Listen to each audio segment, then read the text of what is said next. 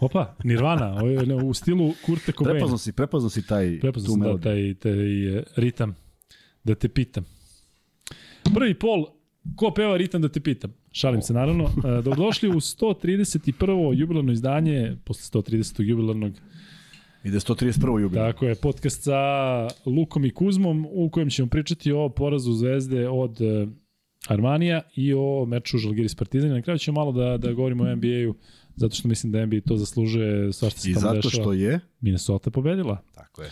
Daj kadar vam, i zato, ponovo. I zato što je... Pa dobro, pošto Zvezda ne pobeđuje, bar negde da Makar imaš neko, ono. neko. Ali nemaš jedno i drugo, vidiš, ja mislim da si ti ne iskoristio svoj karmički i rekao Minnesota Yes. i tu sad... Potpuno sam pobrkao. Ali od tada je krenulo Zvezdin izbred. Jeste, jeste, pa, tačno se poklapa. Ne znam, ako Đoković napravi onim vremeplov da se vratimo u taj trenutak i da promenimo sve. Um, ljudi, mnogo imamo interesantnih stvari o kojima želimo da pričamo sa vama. Želimo da vam se zahvalimo što nas pratite ove nedelje zaista u velikim brojevima i što ste tu uz nas. E, meni je ovo teška nedelja, znate svi zašto, ali uz vas je lakša i e, svako večer smo ovde, jedva čekam podcast, uvek ga jedva čekam, ali nekako u ovom periodu, ova 2-3 sata, koliko god mi se spavalo ili bio umoran, ovaj, e, prije mi da, da se skrenu misli, a gde ćete bolje da skrenete misli nego na košarku, tako da um, žao mi je što je Zvezdino veče ovako prošlo, jako bitna utakmica, uh, podsjećala na moment na onaj meč protiv Virtusa od dva dana ranije, ali Kuzma nešto sa čim bi, ili imamo nešto mimo, mimo Zvezde, da odmah otvorim jednim pitanjem onako teškim. Ajde. E, ovo sa sudijama zaista e, je postaje odvratno, ali e, ja mogu ti reći da sam se nekako i navikao. Dakle, da, da, Pa to da jeste sudije ideja, da se navikneš i da jednostavno Mislim, prihvatiš iskreno to. mislim da je u Euroligi ih baš briga i da ih možda čak i dok je bio Bartomeu više bilo, ono, bole ih, bole ih je ona stvar, zato što, znaš, oni pogledaju tabelu, sva četiri tima u top 8, ovamo u Evrokupu timovi Gran Canaria ovde najbolje, ovamo Juventus, znaš, znači nekako mislim da njih to ne interesuje mnogo, a čak i da ih interesuje ne znam kako bi promenili, zato što smo mi čak i u našim podcastima pre da ovu sezonu pričali o problemima koji imaju Fibine sudije, zato što Fibine sudije su zaista katastrofa, a uvek smo skretali pažnju kako Euroliga ima najbolje sudije na svetu. I sada ti si govori o tome da treba da se proširi, da se napravi neka lista, međutim to su te sudije za koje smo govorili da su najbolje na svetu, tu A je šta se desilo? Da, šta se desilo?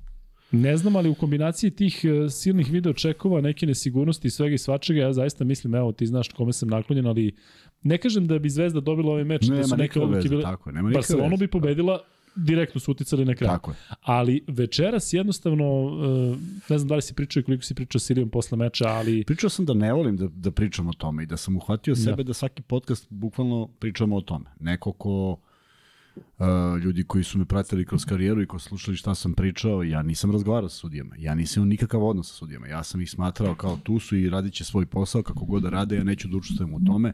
Uh, redko sam se skoro nikada od jednog perioda se nisam rukovao sa sudijama pred utakmicu, jer mi rukovanje nešto značilo. Igrao sam, nažalost, i u klubovima gde nisam osjećao sudije, a igrao sam i u klubovima gde smo ih i tekako osetili i shvatio sam da to postoji da će uvijek postojati i onda je došla ta Euroliga i nekako mi se sve to dopalo zato što mi je delovalo, delovalo prilično neizvesno. Međutim, od kad se pojavio slogan svaka, igra, svaka utakmica važi, ima neke dve stvari. Naravno, ne volim ja sad teorije zavere i da ovaj, pričam o tome, ali ima dve stvari koje su interesantne. Te neiz, ne, neizvesne utakmice u kojima sudije daju svoj doprinos, kao da treba da bude neka gomila ekipa koja se bori, kao da Euroliga treba bude interesantnija nego što jeste.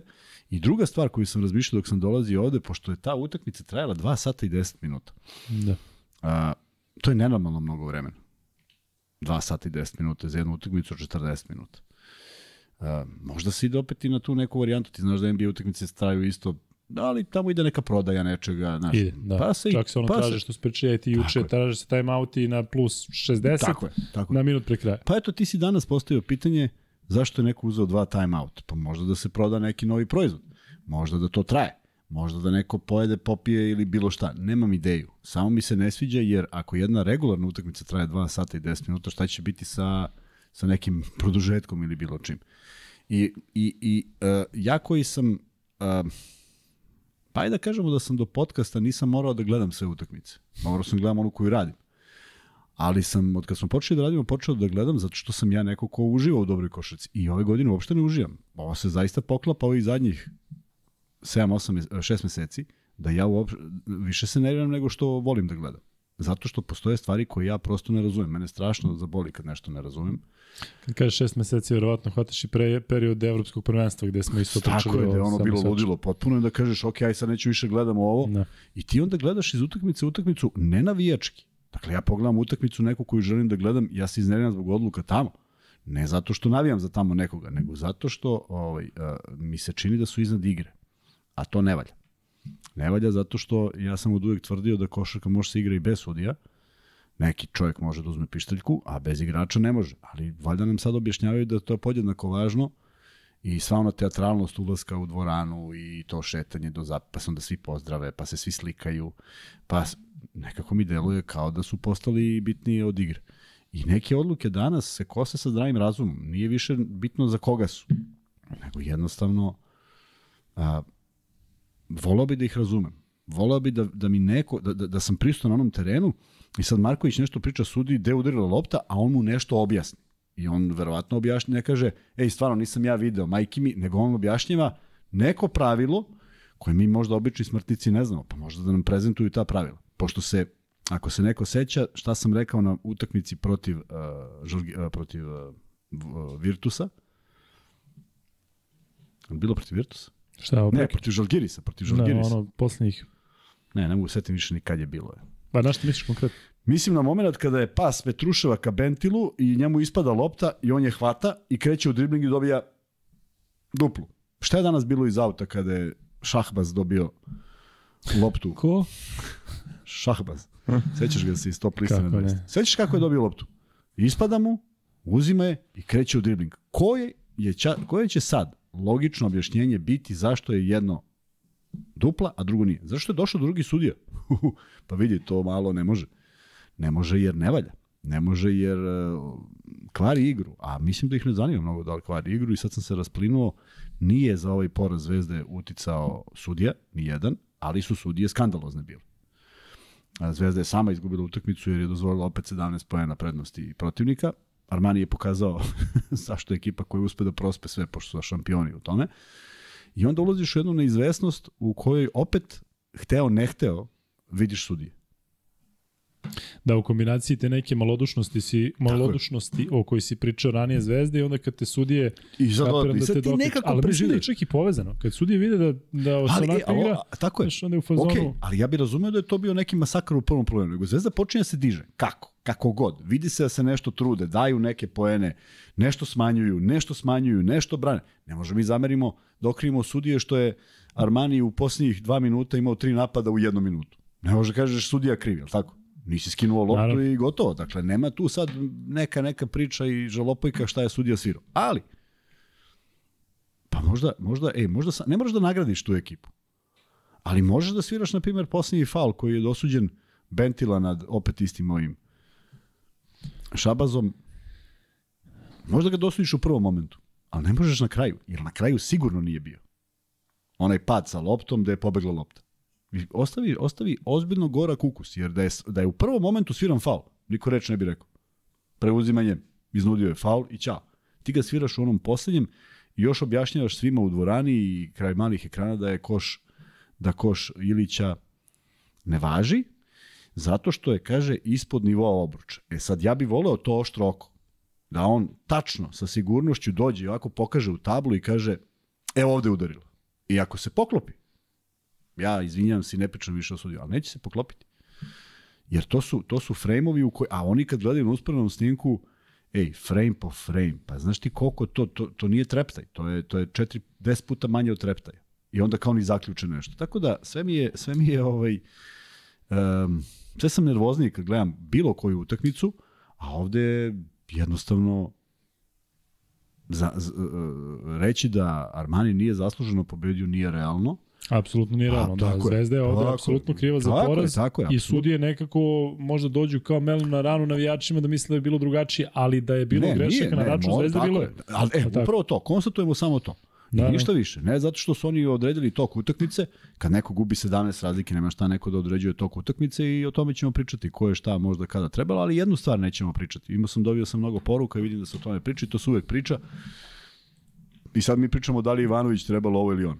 Mene nikada niste čuli ni u prenosu da pričam šta treba neki trener da radi, to neću raditi ni ovde, jer je malo bez veze.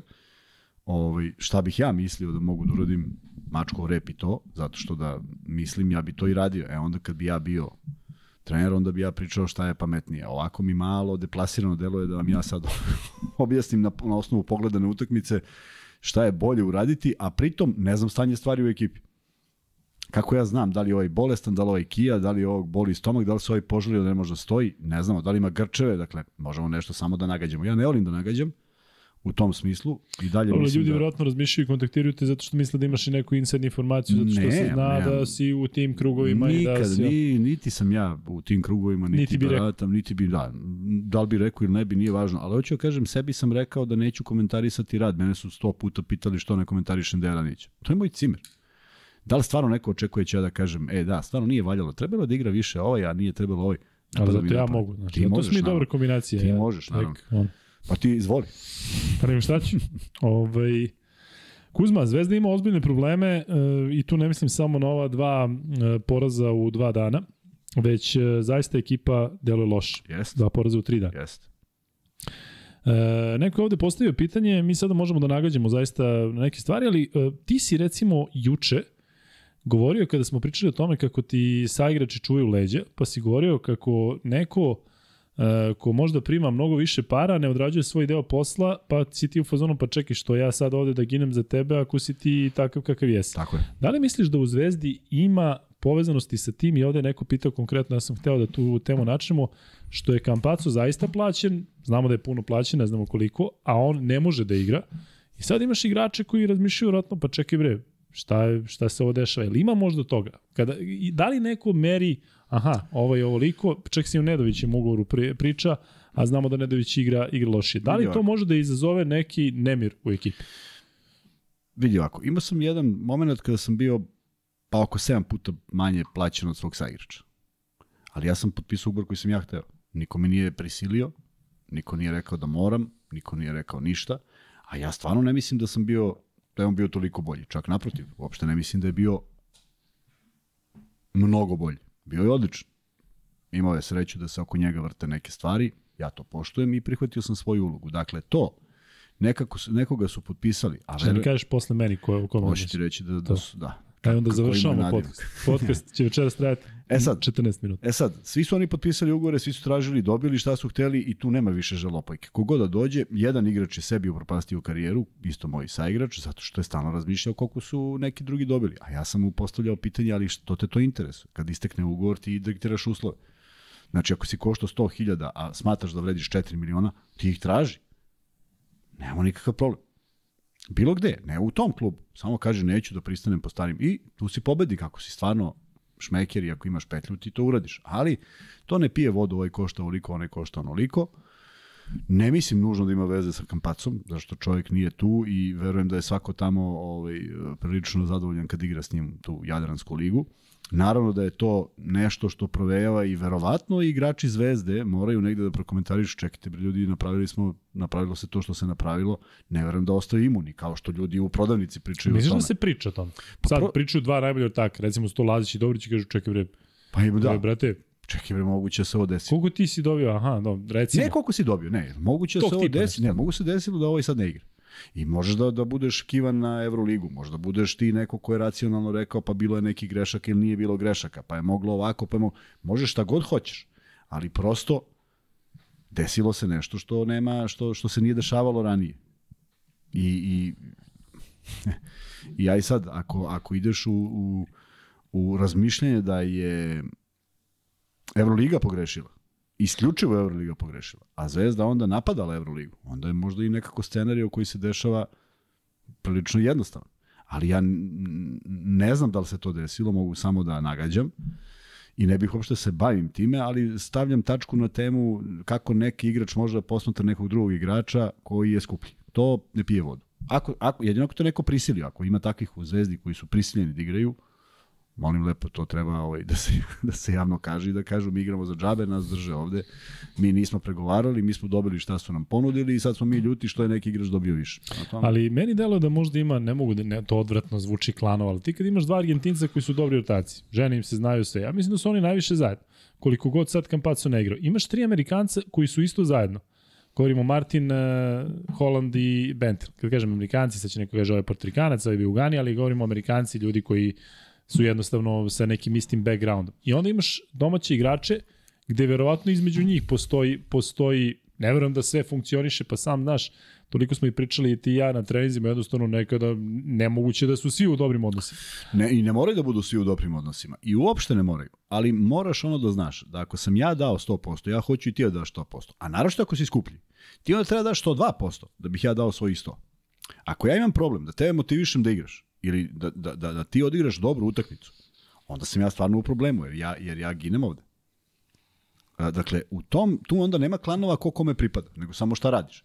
Ne verujem da će uh, srpski igrač da blagonaklono gleda svog najboljeg druga koji se šeta po terenu. Pa neće. Bez obzira što nisu u nekom, što su u nekom, na neki način sličnog mentaliteta. Tako da, sve to, sva ta nagađanja o klanovima, o čudima, ja vidim i dalje izmene koje idu, vidim da se svakim svakog zaustavi porazgovara, pokuša da podigne, dobijaju šansu, vraćaju se u igru, Bentil je danas odigrao neku, aj sad, pa, pa sad kao pričamo, neverovatnu utakmicu. Bilo to je takođe mnogo propusta, ali ako ništa drugo, imao je taj neki motiv da u Milanu pokaže da je on Jest. i tako dalje. Ali mislim da je to, to problem. Ti ne... sećaš početka sezone, kad je da. Bentil bio najbolji zvezda, nije dobila utakmicu. Između ostalog i nije to. Nije dobro ali... za zvezdu da Bentil i Ilić budu ključni igrači. Ja sam danas u studiju rekao samo jednu stvar koju bi ja uradio i to je jedino što ću i da ponovim.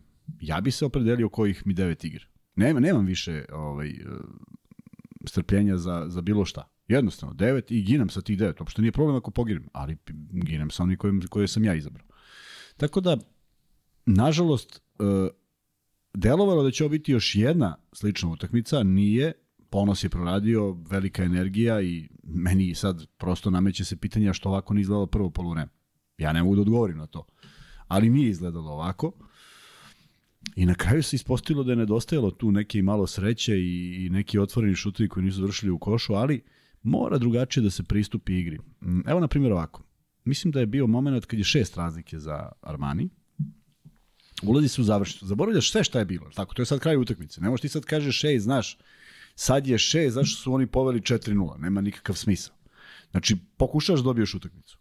I Bentil ostane sam u mis meču sa nižim čovekom. Ne može da baci onakvu loptu preko njega. Prosto ne, ne, nije dozvoljeno da baci.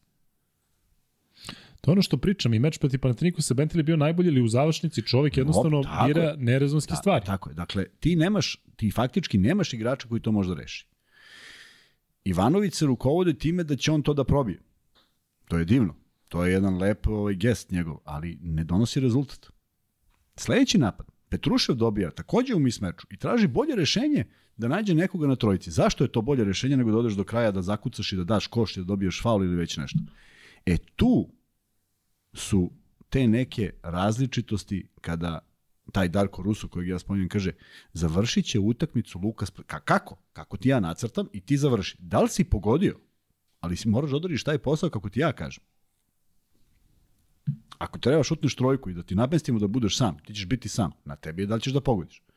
Ali ovde su neke, neke isuviše loše odluke donete, čak i u toj završnici, mada fokus je vjerojatno bio na, na potrošnji snage i energije, nego što je bio na nekoj mudroj igri, jer danas ništa mudro nije bilo u zvezdinoj igri. Mnogo opet izgubljenih lopti, mnogo srljanja, nerešavanja situacija, period kada su oni zakucavali, kada Meli dva puta zakucava za redom, kada je reket prazan, da oni nemaju ovog Napiera koji isto igra neku svoju košarku, da. malo, su, malo je odsečen Billy Baron, videli smo makar da kad Billy Baron krene na levi ulaz dva puta izgubio loptu, hvalim te Bože, neko se setio da ga malo pogura na prodor da ima šta će da se desi, da li namerno ili slučajno, ne znam, ali još jedna utakmica u kojoj jedino što može da se izvuče to je da kažeš da stvarno ne mislim da je Zvezda nije htjela da pobedi. Dakle, vidio si napredak naravno u odnosu, u stavu, da, u odnosu da, na meč da, od pre da, dva da, dana. Da, da, da. Nije bilo malodušnosti, igralo se, iako, ja, znaš kako, ako ja, koji sam to izgovorio, razmišljam kad, kad Dobrić ide na ulaz, zamisli šta je kod njega u glavi. Šta ako sad ne uđe? Garantovan. I zato one lopte izađu iz koša. A treba ta trener da dođe da izdrže. Da ti dođe da ti kaže, e, izlazi, ništa nije. Izlazi Kuce, Dobrić, radi. izlazi Dobrić. I on mu pokazuje, sad ja pokušam da zamišljam taj razgovor koji ide otprilike smiri se, sve je u redu, pogodit ćeš, pretpostavljam. Jer ne, ne znam da li bi mogu da izgovori nešto drugačije s tom grimasom. Međutim, ne, ajde, vratio se Dobrić, pogodio tu trojku na, samoj, na samom kraju, ali i dalje je to bilo jako loše procentualno. A da ne govorim da je u jednom trenutku, ja ne znam koliko je Zvezda završila s kojim procentom šuta za tri, ali u jednom trenutku je bilo 1.15. 1.17, mislim da je minimum. Nije, mislim da ima dve, mora da ima dve. Ubacio je Dobrić tu drugu. E, onda 1.17 je bilo do nekog trenutka. Um, ali Kuzma, ajde, pre nego što krenemo konkretno u, u što se tiče ovog meča i kada pređemo na, sa, na igrače, reci mi, da li je sada ovo što se, kroz šta prolazi Zvezda, bliže možda nekoj realnosti nego ono kada je bila ona serija zaista sjajnih pobjeda u neizvesnim završnicama, nekako delo je da je dolaskom Ivanovića, pa onda dolaskom i pa i dolaskom Kampaca, kod Zvezde proradio neki inat i baš je bilo sve je delovalo tečno, pa je onda bilo, aha, nećete dati kampace, sada ćete da vidite. I sada je Zvezda u jednom potpunom kontraritmu sa istim tim igračima, Tako sa istim sve. Tako ili postoji neko racionalno objašnjenje šta se dešava ovde, svi nagađaju, možda su treninzi Ivanovića, možda je došlo do ovog, možda do onog, pa i mi pričamo o tome. Ali jednostavno ogroman pad u kratkom vremenskom periodu u delu sezone kada Zvezda ipak mora da, da dobija mečeve kako bi bila konkurentna za play. Ja stvarno ne znam šta bih ti rekao, ali mislim da, da, da se, da se izgubila neka ne znam čak ni kako bi rekao. Neka... Živina. Živina se izgubila. živina, znaš da je on je rekao u onom klipu kao ima živine. Vidi, fali živina. Vidi, fali... Ja sad sam dobio jednu poruku o kojoj sam razmišljao dok je trajala utakmica. A, Si gledao utakmicu? Jesi uspio da gledaš Kaničko Koliko sam stigao, da. Evo, za sve one koji su gledali. Koliko je puta Petrušev krenuo na levi ulaz? Ne, ovde pitaju kao da li moguće da Petruša ne ume levom. Da, ne, čak i ako ne ume. A koliko je puta krenuo na levi ulaz? Dobro. Zašto na levi? Ja nisam tri puta u životu krenuo na levi ulaz. Svi su znali šta će se desiti. Idem u more, idem u neizvesno. Što bi išao na levi? Što ne ode na desni? Premoće svaki put je situacija takva da ne možeš da odeš. Pa svako na terenu ode u desni sa ovom milionom, pogotovo sa tim predispozicijama. I svaki put prebacivanje iz leve u desnu ruku i svaki put ide na, na, na čoveka koji ima osjećaj za skok i svaki put ga čovek zaustavlja. Ili je svaki put faul i, i ne koš, što je najgore. A, tako da to, kad, kad, kad me pitaš šta fali, fali što nema tih laganih poena. Opet, Nedović, neki čudni šutevi, jedna trojka pa promašena, pa opet. Da, pričamo Nedoviću najviše, pa, ja mislim. To ću kažem, ništa, ništa, delovalo je sve opet jako konfuzno, kao da biraju što teže stvari. Kao da se takmiču u tome da pokažu neki širok repertoar poteza. Ne treba, treba samo najjednostavniji. Treba samo da uzmeš i da daš koš na najjednostavniji mogući način. Ja sam to radio idem desno i svi znaju da ću desno, ja ću da idem desno i nekako ću da izbacim i ako uđe majstor sam, ako ne ući iz drugog, ali nisam izmišljao koševe koje nisam znao da da ovaj završi, da, da lopta završi u obraču. Tako da, konfuzija je jedna potpuna, a, ispostavlja se da je prva četvrtina bila najbolja u, nekom, u nekoj smislenosti igre i sve to. Opet to nije petorka u kojoj su igrali ni Vildosan ni Nedović, što je vrlo interesantno. Tek su ušli, dakle, nisu počeli utakmicu koja je bila u egalu. E, ali dva različita prvovremena svakako što se energetskog nekog nivoa tiče i potrošnje i, i, i, i nikad ne, nikad ne kažem da je kraj ili da nešto sada tu prekinuto, ali sad je raspored mnogo, mnogo, mnogo teži nego što je bio od ove utakmice. I pričati za koji dan o utakmici koja čeka Zvezdu sa pobedom Makabija u gostima – i porazom Zvezde na ovaj način, šta kao sad mi da kažemo tu očekivanje na nadanja. A ja zaista mislim da je ova utakmica u sve one stvari koje su desile mogla da se dobije samo nekim drugačijim jednostavnijim stvarima i ispada da svako sada rešava taj neki individualni kvalitet zvezde. Toliko čudnih poteza Vildose, a onda onaj majestralni sa jednog kraja pa na drugi obruč, pa je zavrne šakom, pa ona uđe ne dodine mrežu, a do tog momenta Pitaš se da li ovaj dečko u vinklu. Jer, pa majke mi, to su, to su, izbor šuta je težak. To nije šut sa dve noge, pa si naskočio, pa si šutno gađao tablu, pa si Dobro, pogrešio. On kada je pogađao to, nije se videlo. On je imao, i on je imao mečeve Danas, sa sličnim izborom šuta, pa pogodite i trojke, pa svi kaže, evo ga ovo je bilo dosta, da. dosta drugačije. Dosta drugačije, jer su jako teške pozicije i ne znam, e, mislim da mislim da nije lako dići se iz svega ovoga, a naročito što na sve to dođe ovo o čemu smo pričali iz početka, da nemaš ni neki taj veter u leđe ili da nemaš, da makar ničiju loptu dodele tebi. Jednom se desila ničija lopta i oni dodelili. što kaže ja naš ovaj, gledalac poslao je snimak, stvarno desila se jedna bizarna situacija kad su pogodili sudiju u glavu. Ništa nije svirao, igra se. Čak i u Da, je to, čak i deo- u fudbalu to promenjeno. Pa znam, ali u fudbalu je promenjeno. Pa zaustavi i da loptu protivniku, ali zaustavi. Ovde se izgleda ne zaustavlja. Redko se doduše dešava da pogodiš sudiju, ali to je bila neka kontra, jedna od redkih kontri koje je Zvezda završila, tako da kad se gleda taj neki lični učinak, opet je to bilo malo i opet je to bilo nedovoljno. I evo, ono što, što mi je bilo drago, što sam vidio Kuzmića na parketu. Da, nekom to znam, smetalo da. kako je Kuzmić odigrao? Pa ja mislim da je čovjek dao sve od sebe. Videlo se da u onom 16. napadu za redom Gubi snagu. staje na da, kolena i okej. Ali, ali donao je nešto, donao je neku sigurnost, donao je neki lak koš, donao je nekoliko lepih poteza, donao je dva, tri skoka, donao je svašta je nešto donao.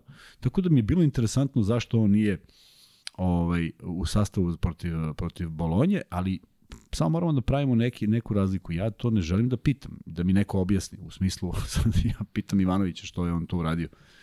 Ne, ja samo to gledam na neki drugačiji način i, i imam pravo na to i za svako od vas ko ima neko svoje mišljenje, samo nemojte da, da me pitate šta ja mislim o tome, jer zaista nema nikakvu težinu šta ja mislim o tome ovaj, kada pričam o radu jednog od najuspešnijih trenera u, u Euroligi. Kuzma, ovde komentariš ljudi da li je Zvezda pro, pročitana i da li je ovo možda realnost. Ima i toga, da. tako je. Videli smo nebrojeno puta da izlaze ljudi sa svojim ljudima, kao i protiv Virtusa. Izađe čovjek iz bloka, Da, pričali smo prošlu Pričali smo, i Mitroviću. čovjek Da, jednostavno, čekaj da. čoveče, pa ako, ako je tako, pa daj ukrsti, pa zamotaj na drugi način, pa lupi neki kontrablok, pa nešto se dogovorite da bude drugačije. Ali konstantan izlazak na 45 stepeni, a onda vidiš neko od njih se oslobodio. Pa kako, kako, kako majku mu, kako je on to sad uspeo, šta je uradio? Tako da, naravno da može se napredu iz utakmice u utakmicu. Nijedan, nijedan igrač nije završio svoj razvoj, možda naučiš neke stvari, ali zaista je u prvom poluvremenu bilo malo prostora za šut da je neko ostao sam. I to su poslali pitanje, rekli, kako niko ne može da ostane sam? I jeste odgovor jako teško naći ako ne možeš da se oslobodiš. Pritom, da se razumemo, na primjer, Uh, koliko Nedović jeste i Vildosa jeste Dobrićni igrač koji će u driblingu sam sebi da napravi takav šut da ćeš ti da se zabezekneš da je njegov čovek ispao i on šutnu. To su obično šutovi preko ruke koji su zbog njegovih kvaliteta završavali u košu, ali ovoga puta na ovoj utakmici jako teško dolazi do pozicija za šut. A, a generalno cela spoljna linija je negde zakazala u svemu tome. Da li možda Zvezda sada plaća zaista cenu uh, loših pojačanja? U smislu tokom sezone, uh, odnosno tokom, pa, tokom pauze, dovedeno dosta igrača, evo ti mi reci ako grešim, od svih igrača koji su došli, ja mislim da je, bil, da je osam novih, pa Kampacu, ajde da, da ga ne komentarišemo još zato što ne znamo kako bi igrao u Euroligi, možemo samo da pretpostavimo, Da, samo ali rekao bih da, da su uh, opravdali očekivanja samo Vildosa i Petrušev, koji je počeo loše, pa se podigao, pa je sad opet u nekoj krizi, ali da li postoji još neki igrač koji je opravdao očekivanja? Sad mi govorimo, govorimo o ovim novima.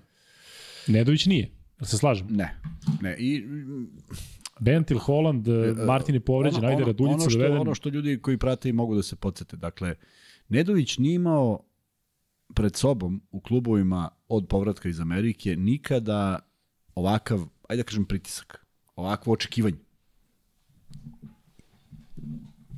On je igrao svoju košarku koju je to jako dobro radio i mi smo uživali u nekim potezima kada on za nekih 15 minuta strovali 22 poena izađe i što je najsmešnije uh, uh, nekako kao da se igralo, kao da on igra svoj deo igre, kao da to nema veze sa ekipom. Da. Vrlo redko se desilo da on odigra 15 minuta i sad kao trener ga drži do kraja i kaže, Nedo, radi šta god hoćeš. Ne, odmah se tu napravi neka izmena, prosto treneri tako nešto gledaju i mi smo gledali to od Nedovića. Dakle, majestralno napadač bez nekih ozbiljnih uh, defanzivnih uh, zadataka, a sad dolazi prvi put na teren gde ne klub, nego javnost od njega očekuje da bude vođa ekipe.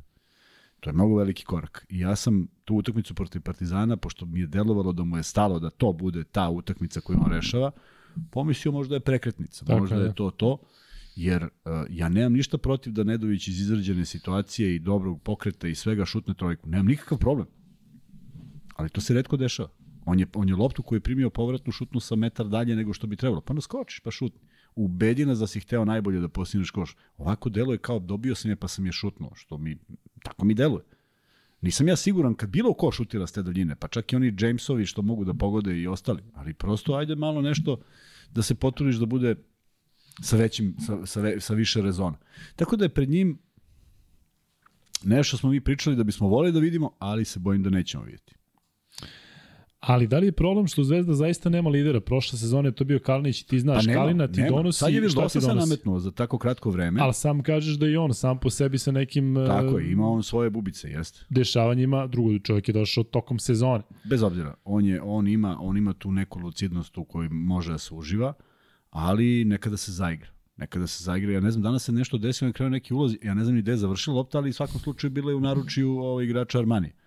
Ne može, ne može tako, jer od, uh, i on mora da shvati da od njega mnogo toga polazi. U smislu, što je lopta kod njega sigurnija, to je zvezdin napad i zvezdina, zvezdina odbrana sigurnija. Što je potrošiš u posljednjem sekundu, lakše da braniš. Što je neka e, situacija koja je prirodnija, koja je pet puta da naskočiš na dva i da promašiš svih pet, nema nikakav problem. Uradio si školsku stvar. Idi vežbaj šut. Ali da šutneš iz jedne, sa jedne noge, sa druge noge, iz leva, iz desna, ba, bu, be, sigurno da ne prija. I, I on negde nas je kupio sve, pošto je pogađao te trojke, ali kad ne pogađa, onda izgleda ovako. Međutim, nije ni on kriv za ovaj poraz. Nije, nema ovde krivca kao sad gađaš, targetiraš nekog čoveka koji je, ili Lazić, opet su mi poslali statistiku da su sve nule. Pa je on stvarno toliko uticao? Pa nije. Nije ni to. Jednostavno ta konfuzija i taj to prvo polovreme da ti ideš na minus 17 zbog činjenice da ne možeš da dobiješ od određenih igrača to šta si mislio da možeš. I to je to. Je to. A oni nekako sigurno igraju. Onaj Davis, kad, kad izudi faul, ti bre znaš da je to koša slovni bacanje. A ovde, evo, kaži mi, kogod stane na slovni bacanje, ti si već Jeste. u fazonu, jao, i samo da ubaci dva. Tako je. Koliko fali neki pouzdan igrač tipa Davidovac, Jagodić, Kuriđa, gde ti znaš da to njega očekuješ da će on da odradi svoje. Zato što Branko Lazić e, ipak e, meni se čini da je ovo slična situacija sa, kao sa Zagorcem prošle sezone. Ti si rekao, ajde da od Zagorca znamo da dobijemo 6 poena, 4 skoka ili nešto, od La- Lazića se, to što ti šalju nule, ne dobija, ne dobija nikakva statistika. Pa ne dobija znam ništa, da se ne dobija. kapiten. Znam, ali niko mi nije poslao juče 3-3 za 3 i 9 poena. Niko mi nije poslao. Pa, pa naravno, niko i neće A poslati. dobro, ali zar se to ne podrazumeva za igrača koji je 10 godina u Zvezdi da kad nešto uradi dobro da je to okej, okay, da ne treba sada da pa pričamo naravno, pola ali, ali, ne, 3 ali, od 3. ali, ali onda se podrazumeva i ovo. Jer vidi, ja sam mogu da odgovorim kontra. Ako je šutno 1 od 15, Lazić je šutno 0. Ako je šutno 1 od 15, što mi ne pošalješ 1 od 6? To me više interesuje, jer, jer taj mora da šutne 4 od 6. A ovo da li Lazić danas šutno 0-0, a prošlo 3-3, to je meni 1,5, 1,5 u dve utakmice. Ja to tako gledam. Nije promašio čovjek. Hi, stvarno nije promašio. Koliko god glupo to zvučalo. Ali dosta je više ko je, ja i čak ne pričam o pojedinim krivcima, ja samo pričam o tome ko mora da preuzme odgovornost. Dakle, pričali smo o Cimbi juče. Jel ti stvarno misliš da je Darko Russo nekada ušao u klačionicu i rekao Cimba, od tebe sam, ti si podbacio na ovoj utakmici. Pa nije. Zato što imao plejadu igrača Ali Kuzma, nemamo primere da neko igra uh, često 20 minuta i nema nikakav učinak. Ja to recimo dok pratim Euroligu zaista ne vidim, ne vidim nešto slično. Dakle, ovo Pa jeste daj neki ukucaj, fenomen. Daj ukucaj statistiku igrača da vidimo. Da vidimo koji je Lazić, da li ima neko gori. Daj, ajde. Ne gori, nego ti kažem, imaš 20 Pa minuta. čekaj, ako je gori, mora da ima nula. I taj mora da ima nula. Ili ima minus. Tako? Pa ima minus 3. Pa, dobro, a taj neki možda je dao 7, ali ima minus 26, otkud ja znam. Je li to bolje ili lošije? Kao dao je 7, kao dobro, ali ima 18 izgubljenih lopti. Jeste li ovo postaje simptomatično? Ma, Znači postaje što šta se tiče, hoćeš, ja što sam se tiče odgovorio. Lazića, dakle to se čini mi se dešava prečesto i zato ljude sve više nervira, zato što on ipak kapiten koji je iz godine u godinu sve Ma, stariji. ljude nervira svašta u životu, šta ti je? Viš šta je Marković ipak, ipak nešto uradi. Od Markovića možemo dobijemo asistencije, tako? Marković i kada nešto da ne koša, on čovjek ima asistencije. Evo danas pet asistencija, četiri skoka, e, samo tri poena. I dalje mu ljudi zameruju iste stvari, kao što je taj šut i sve. Ali ne znam. Sad ima neki pol vanček u vezi Lazića da imamo kako ljudi, ljudi misle. Hm? Kako nema ovde ovaj, ovaj kako se Šta zove? treba da Pa traži mi da- statistiku ovih Nema, kod Lazića nema statistika. Ne, ako hoćeš da klikneš, onaj, nema. onaj indeks, kako nema? Ima tri poena, ima, kako nema indeks? Um, stavi, da li se slažete sa Kuzmom u vezi Lazića? Baš da imamo šta ljudi kažu. Ma znaš koliko me to sad... Ne, ne, ne, ne, ovo mene zanima, neću da ti kažem. Stavi, da li se slažete sa Kuzmom u vezi Branka Lazića? Da ili ne? Eto. Šta tražiš Kuzma? Daj, pomoći ti ja. Statistiku ovog indeksa. Minus 3. Ja vidim ja ovde. Ma bre, statistiku generalno, da imamo ko je na, na statistici. Ne znam, onda je do tebe, ja ovde imam sve što treba. Pa ajde, nađi pir. Čiji? Ukupan Lazić u, u, na celoj, u celoj Euroligi. E, u celoj Euroligi nema. Pa zašto ima? Ima to, ima poen, ima skokovi, zašto nema taj pir? Pa ne, zato što ovih što to radi Zasp- je dobio koronu. E, pa izgleda Ima, je tako. PIR uh, 1.6. Ko? Branko Lazić. No, i, I sad daj listu. Nema liste, moram da ulazim na jednog po jednog. Ma kako mora da ima bre... Branko Lazić ima 1.6. Evo daj mi bilo kog drugog igrača zvezde. Hoćeš Markovića da uzmemo Hoću. kao... Neće ti se dopasti. Stefan Marković, PIR 3.2. Duplo već. Dobro, evo sad ima lista pirova. Ili ima, a? Lista Ajde. pirova. Ajde. Znači ima 10 ljudi koji su gori. Koji? Daj mi po imence, molim. Ajde. Ajde. Kuruc. Ej, strašan igrač. Znaš gde on igra? Pa on igra u Španiji, čoveče. On je burazer. Pa da, Ovo, znam, ali on igra u Španiji. U Baskoni koja je bila prva. Jel neko priča o Kurucu? Igra misliš da neko 5 priča? minuta. Pa znam da igra minuta? 5 Odigrao minuta. 16 minuta. Pa eto. pa, Dalje? Dalje. Dobro, on je klinac ovaj dalje. Dobro. Sve mala minutaža. Baš govori koliko minuta. Dobro. U proseku. A koliko igra Lazić u proseku? Vladić igra 18,5 Eto. O tome ljudi pričaju, da. Dobro, pa nek pričaju. Kala, Kalacakis iz Panatinaikos, Kalicakis, ali to je ovaj verovatno burazer. da on igra 9 minuta. A nije, to je ovaj. To je ovaj Čanko. Lukos Junas i Žalkirisa, 14 utakmica, nijedna. Jel čuju tebe, Manček? Ne čujete, a? Ali, znaš kako znači, idi na Euroliga sajtu Dobro, i idi na statistiku. dobro. Stats. I sa desne strane, ne, to je piše ti, vi- izaći ti sva statistika, pa ti onda podeli, piše ti tu peer. Da, vidi. Uđi tu. Dobro, Kuzma, ima 10, 10 gorih od Lazića. Eto, tako je. I to je to. Ima, pošto Lazić je izjednačen za 11, to je znači Eto. zapravo 8 ima gore. Evo viš, sad je još gore. Hoću da kažem da to nije najveći problem Zvezde. Ma nije, niko ne kaže da je najveći problem Zvezde. Ja mislim da je veći problem Pa što onda Nedović. pričamo? Pa što onda pričamo o Pa Laziću? zato što pričamo o problemima Zvezde. Ima ih Pa dosta. to nije najveći problem Zvezde. Ko je najveći? Najveći je što je što nemaš napadače koji mogu da dođu do 20 poena. Nemaš ni jednog. Nemaš ni jednog vođu svoje ekipe gde će neko da 20 poena. I to ne iz izmišljenih situacija. Nego baš kao, ti znaš šta je Beronova igra, tako? I Beron kad god opali trojku, to je to. Ili dugu dvojku. Beron na ulazu dao je jedan, onaj prvi koš na početku i to je bio kraj. Jer to nije njegova igra. E, ja hoću da vidim nekoga iz Zvezde koji igra jednolično, do bola jednolično. Ej, stalno se okrene oko, oko leve noge i šutne desnim polu horog i 5-5, ja to hoću da vidim. Samo da pokaže to da zna, a ne da ima repertoar poteza u kojima, što kaže Ruso, umireš u lepoti. To mi je jednom rekao, a ti umireš u lepoti. E, ne Tebi treba da da, da. Ne treba da umire u lepoti. Treba da da koš. To je vrlo prosto. Kuzma, hoćemo pojedinačno igrače. Ajde. Lazića smo prošli. Vidim da nećeš da komentarišeš više. Um, Kuzma, ajde da krenemo onda od, od Nedovića. U sredi prvo da prođemo timsku statistiku. Dakle, Zvezda je šutila 1 od 17, pa je na kraju imala 4 od 21.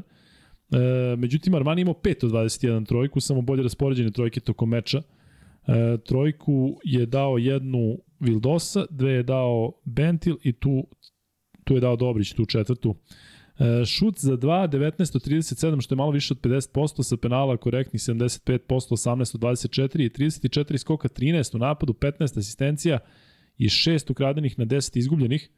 E, šta je Kuzma, kada pogledamo statistiku, nešto što je najproblematičnije za Zvezdu? Taj šut za 3. Tih 1 od 17 u 36. Ma jeste, to je mnogo. a Zato što su, zato što, zato Kakvi su bili ti šutevi?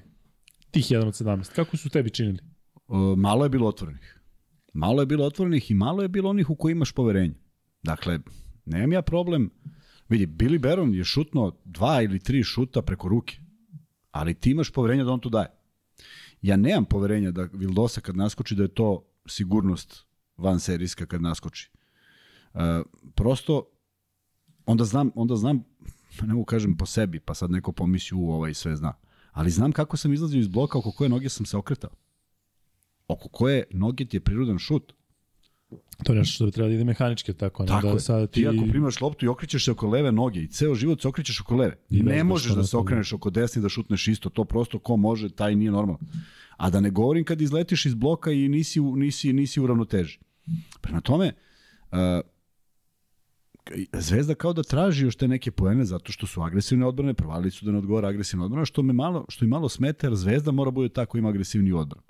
Po cenu faulova, nije spor. Ej, nije se odvojio, uh, nije se odvojio Armani onog momenta kad je bio na slobodnim bacanjima. Odvojio se kad je pogađao brze poene. I kad su hvatili tri puta skok u napadu, pa naravno da će daju neki koš. Tako da, nedostaje bilo kakve rutine u igri. Evo, sad kad oni krenu u napad, ti nemaš predstavu šta će da se desi. A u nekoj fizionomiji ideji napada uh, Armanija konkretno, ti kad Davis napravi tu kretnju, ti znaš da lopta ide dole.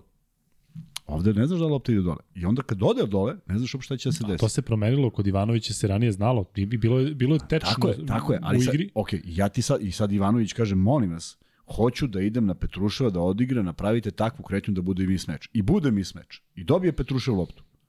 I počne na zida i doda. Šta treba da uradi Ivanović? Da uzme Šljagu time out i da mu kaže, čekaj bre, rekao sam, zaista smo imali takve trenere, rekao sam ti hoću da završiš, uopšte ne zanima kako. Jedino ako si udvojen, ako si udvojen, onda ima svo, sva logika da nekom dodaš. A šta treba stvarno da radi? Šta, šta preporučuješ da radi? Zato što Snažnije- smo za Obradovića smo rekli kada kažnjava izmenom da ni to nije dobro. A ne, ne znam šta da radi. Očigledno mu nije to metod. Ali danas Nedović posle svega odigrao na parketu, proveo na klupi i završnicu utakmice. I Zvezda mogla da stigne. Ne kažem da je to recept, ali da li ga je izvukao zbog nervoze, da li ga čuva za sledeću utakmicu, da li mu je nešto rekao, da li je skrenuo pažnju, kako mi to možemo da znamo uopšte. Ne možemo baš nikako. Možemo samo da nagađamo. A ja ne volim da nagađam u tom smislu i mislim da je konkretno Ivanović osim činjenice da Kuzmić nije bio, što je meni smetalo, ovde nemam, nemam, nemam, ne želim da komentarišem da li on u tom trenutku trebalo da izvede ovoga ili onoga.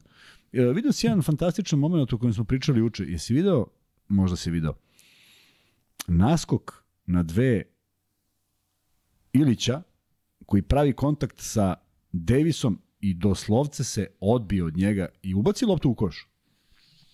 Ali to je, to je dobra stvar, da je iskusio koliko je ovaj čovek tvrd. Znači, on se naslonio kao da se ništa nije desilo. On se odbio i vrlo brzo izbacio loptu i dao koš. E, a, zato, ako si obratio igru, pažnju na igru Ilića, fantastično je opet i danas odigrao te neke svoje minijature. Jeste. On kad skoči u napadu, on ne gleda koš. Nijednog trenutka on nije Jeste. pogledao koš. To kad se desi dva puta na utakmici, od pet koliko je uradio, ti znači da dva puta kao odbranben igrač, uopšte ne moraš da obraćaš pažnju gde je on. Jer ti već znaš da on ide na nekome tamo uruči. Znaš kako to izgleda u odbrani? Uh, sad malo protegnem noge, ne moram da igram. Možda uradiš šta god hoćeš. Ne valja to. Mora bude opasnost. A ja razumijem zašto on nije opasan. Zato što nije, nije neko ko sad hoće još svojom nekom greškom da uvede ekipu još u veći problem. On danas šutirao, samo jedno slobodno bacanje je promašio. U momentu kad je promašio, na mestu gde sam gledao, 15 ljudi je reklo, ej, evi ga. Iako je prvi, znaš, ali prosto, Jesi im rekao nešto? da, pa počeo- Živo Lazić. Ja tap, tup, ja tap, tup, oni tap, tup. Bilo svašta je. Al tap, tup. Ej, pošao Aleksandar Istić je donirao i kaže pratim vas redovno, ali tek juče i danas uživo prvi put. Ja sam u LA-u i 9 sati je razlika, sve pohvala za energiju i tempo kojim ovo radite, pa čak i u teškim ličnim momentima, podrška od mene uvek. Hvala puno Aleksandre, ti znaš da sam ja slab na, na zapadnu obalu, s obzirom na tamo da mi je tamo rođena ćerka, tako da m, lepo je što si u LA-u i lepo je što, što, uh, što si prepoznao tu energiju. Meni je zaista drago, vidi se danas neke političke dešavanja, koliko koliko nema jedinstva nigde, ja mislim da ovde najbolje moguće jedinstvo ljudi koji razmišljaju drugačije, koji navijaju za dva različite kluba, tako da mi je zaista drago što, što, što ima mnogo, mnogo, mnogo e, normalnih ovde. Naravno da su nekada tenzije, naravno da treba da bude i prepucavanje, dakle to je apsolutno prihvatljivo, ali ovaj, e, e, drago mi je zaista što smo, što smo zajedno. 3000 ljudi u live-u, E, znate za pravilo kada stižemo, stignemo do 500 lajka, cepom prvi free bet. I daj čoveče, sad sam dobio sugestiju, kaže, ovaj, kad je pol, tamo 2000 ljudi glasa, a mi na koliko smo lajkova? 443. Pa čekaj čoveče, pa nije u redu. Ali znaš šta, možda se ljudi inate kad im kažeš laj, lajkujte, oni baš neće. Ajmo pol.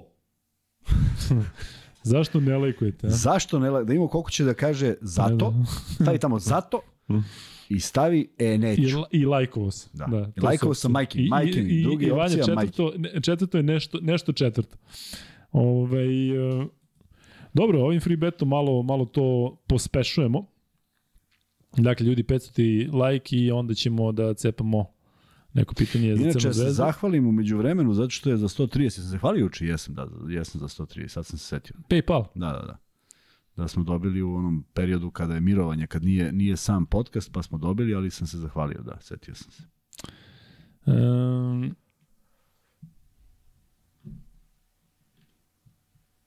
da. Hm. Hoćemo da gasimo ovaj pol vančika.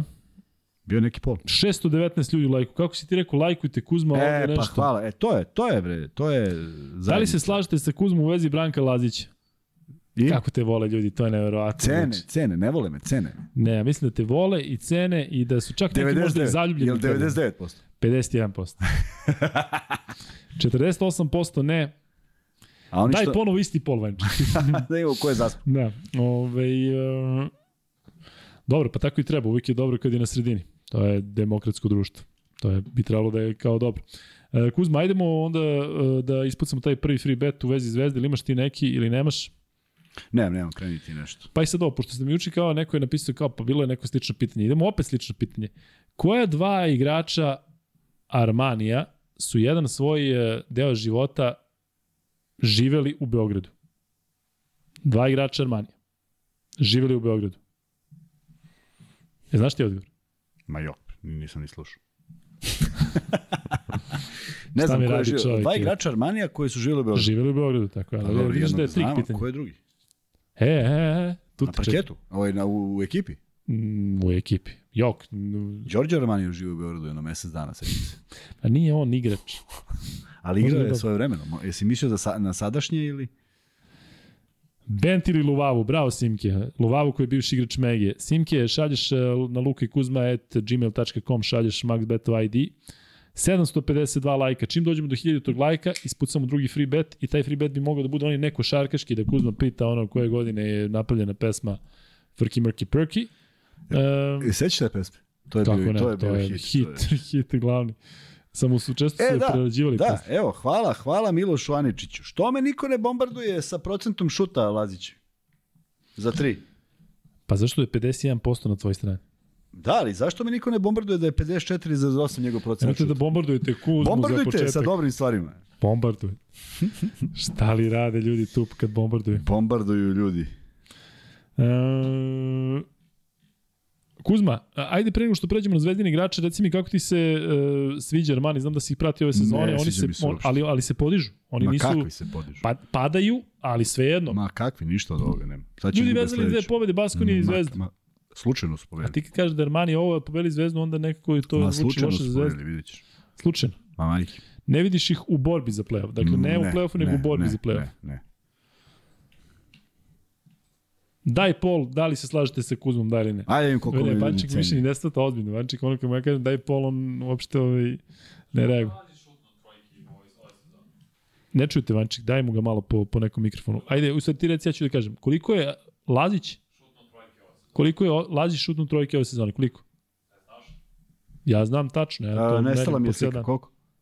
31. 31. 23 uđe. Pa, pa evo danas nije, ne, ne može to 23, danas nije šutno. Znači nema šta kao u 23. Ali šta ti je poenta, Vanček? Da je... Da je malo štiro. Pa nema Da je to malo. malo. procenat je procenat, šta malo je. Ma nemam ja problem da, da Nemoj Lazić sada, šutne pet trojki. E, Meni je žao što ti imaš problem što je okej da ne šutne ni jednu trojku tri utakmice. Pa šutni. Šta fali? Ja nemam problem, znaš iz kog razloga nemam Što? problem? Pošto danas kad se Davis spustio, jedino se njemu nije uvalio. I onda nemam problem. Jer je Znači dođe ga. Bentil, dođe Bentil i dođe ovaj stane i ovako kako, kako stane ovaj uh, Davis, Bentil stane iza njega. Pa nije majstore to odbrana. Je. A Lazić uzme i šiba se s njim i sve nešto drži ruke, nešto ga lomi i ovaj ne primi loptu. I sad kako to stoji u statistici? Z, z, za malo, Z, S, za malo se Pir. uvalio, Z, Da. S, U. Pa nema je. Jel može da se kaže da koliko gotiviš Lazića, toliko ne gotiviš Bentila? Može da se napravi ta paralela? Ne, ja nemam ništa protiv Bentila. E, Jok, nemaš, pa ovaj, ovaj, ja mislim da mu Pa ti šalješ, ti, ej. ono što mu, šalju, što mu šalju poruke, ja mislim da mu ti šalješ. ja ono samo kao, sedim e, ga. O, vidi, ja samo gledam ga, gabarite tog čoveka i pitam se kako je moguće da tu nema ovaj, želje, volje i svega ostalo. Dobro, danas si bio dobar. Ma danas je bio fenomenalan prosto. Nastavlja onu teoriju dobrih utakmica kad se gubi. Čovjek dao 17 poena, ovaj dao 0 i Kuzma hvali ovog, a ovaj mu ne valja. Ma ovo je bio fenomenalan. ništa zaista. ne- Ma, ništa mi nije jasno. Mučiš, molim te. Kuzma, dakle, nemaš poverenja u Armani, idemo onda što se tiče igrača Zvezde, krećemo od Luki Vildose, koji je dao 11 poena, uh, imao 3 od 7 za 2, 1 od 5 za 3, 2 od 2 sa penala, Uh, dva skoka, tri asistencije, tri izgubljene. Vildosa nije na onom nivou na kojem je bio kad je došao u Zvezdu. Uh, ili imaš neko objašnjenje? Ili ima nešto što vidiš da, osim, osim tih nerezonskih šuteva, ali imaš još nešto što se promenilo u igri Luki Vildosa? Promenilo se da, da u nedostatku nekih boljih rešenja, što zavisi ipak od... Koji je danas datum? 3. februar je počeo. Treći počeo. Ovaj, uh, u nedostatku dobrih rešenja traži neka koja nisu, nisu, nisu nešto što može da iznese. Uh, zaista imao neverovatnih poteza od momenta dolaska ovde, ima, ima uh, fantastičan osjećaj kako da poentira, šta da uradi, sve je to u redu, ali imao je i dobre saigrače s kojima je mogao to da, da radi. Međutim, kako su svi u padu, tako se i njegova igra odražava, jer uh, dešava se da često ide u gomilu nekih ljudi, pošto niko nije na svom mestu, jer svi traže negde sebe i nema mnogo koncepcije u napadu. Ti kad kreneš u neizvesno, desi se upravo to. Možeš da izmisliš neki koš, to će da bude jedan od tri ili četiri šuta, ali u ostalim ne možeš da reaguješ, ma koliko bi ti, ti bio spretan sa loptom i to se danas i desilo. A za ne treba on da bude taj koji će da razigra ekipu i da neki igrači treba, ali- ali Kao zamisli- recimo onaj pas koji si ti rekao za Nedovića 40. minut, dakle bravura za koji si rekao Tako. da Ivanović ovo, to ne vidimo više od, Ne od, viđamo od njega, zato što, zato, neki zato pa da što nema, neće. nema kretnje, nije slobodan čovjek. Znači on, oni, oni kroz ovu akciju ukrste dva igrača zvezde i izađe Nedović sa svojim čovekom. Izađe Dobrić sa svojim čovekom. Šta treba da uradi Vildosa? Da mu da neki bolji pas. Od čega bolji? Da mu direktno u ruke i to je to. I onda panika vraća i Vildosi da nešto smisli. Nije to baš ovaj, sve to idejno dobro. A, ne prepoznaju se neke situacije, ne čitaju se neke situacije, nema. Je se sećaš nekog lakog poena? Znaš, ono kao, e, prevarili su i dali su neki laš, lak koš. Ovde se sećam da su dva puta igrači Zvezde ispali na nekoj rotaciji na Devisa, pa je neko zakucao u samu reketu. Jednom Heinz, kada su pogrešno pročitali, jednom uh, Meli. Što niko iz Zvezde nije zakucao iz reketa. Nije Riči nešto jedno, no? I on, i on igrao. E, Idemo dalje, ajde, koji je sledeći igrač? Riči nije sigurno, pošto Riči ima nula poena. Pa, Idemo dalje. Da ti kažem. Um, sledeći igrač je Nemanja Nedović, 4 poena za 16, malo 17 minuta, 2 od 5 za 2, 0 od 4 za 3, 0 skokova, dve asistencije, jedna izgubljena, minus 6 pir, Ko? Nedović. Pa da. Jako loše. Šta, um, šta može Nedović da promeni u glavi? Ne, u znam, ne znam igri, šta, ne znam ne šta sad može, ne znam šta može promeniti u glavi. Evo, danas, danas ide na kraju, na kraju poluvremena levo polaganje. Levom rukom. Levom rukom. Ok, teško je, nije to klasično polaganje, ali ej, da promašiš onako. Opet je promašio zicer ispod koša. To je bio kraj. Tu kad vidiš da je to promašio, nema više koša za dva. Dao neki koš za dva. 2 od 5. Dva, od pe- eto, dao je još jedan. Onda je na kraju, na kraju uh, uh, u jednom momentu dao desni horog koji nije priznat, što je još veća ironija. Pa onda idi na desnu stranu, pa daj šutiraj desno. Dobro, znači, zaključak je da Nedović češće da ide je na, da na horog levom ima, rukom. da, na horog desno, da on sada Levo. ima problem u glavi kako da ko, što je neverovatno. Kako se iz toga izlazi, Kuzma? Pričam te, pitam te sada igrački. Dakle, Pa nekada se izlazilo tako što smo imali više vremena da izađemo, a sad ne znam kako se izlazi. Jer Zvezda Tu igra nije do utakmicu- treninga, što je Ne, manje treninga. ne. Pa jeste i do treninga. Pa Ali nema kada. Šta onda, trener levi ulaz? Da. Da. Treniraš neke stvari koje misliš da znaš. Jer meni je neobjašnjivo kako neke stvari, kako neke lopte ne ulaze u koš. Majke mi neobjašnjivo. Danas je ona viđena, svi su skočili, rekli bravo majstore na E, na E su se ugasili. Jer je tad izašla. Ne može, to, to su vrlo bitni poeni koji ti daju samopouzdanje. Naročito ti ispod koša i te nešto, nešto je pretrano jednostavno. To baš nije komplikovano. Nije to bila neka van serijska kretnja, izbacio trojicu fintom tela, pa otišao na drugu stranu, pa desnom rukom zavrno, pa mu zapela za palac. Nego je bre bilo da je ubaci u koš. Zapela za palac, lično. Pa, otkud znam, mnogo, mnogo jednostavno deluje.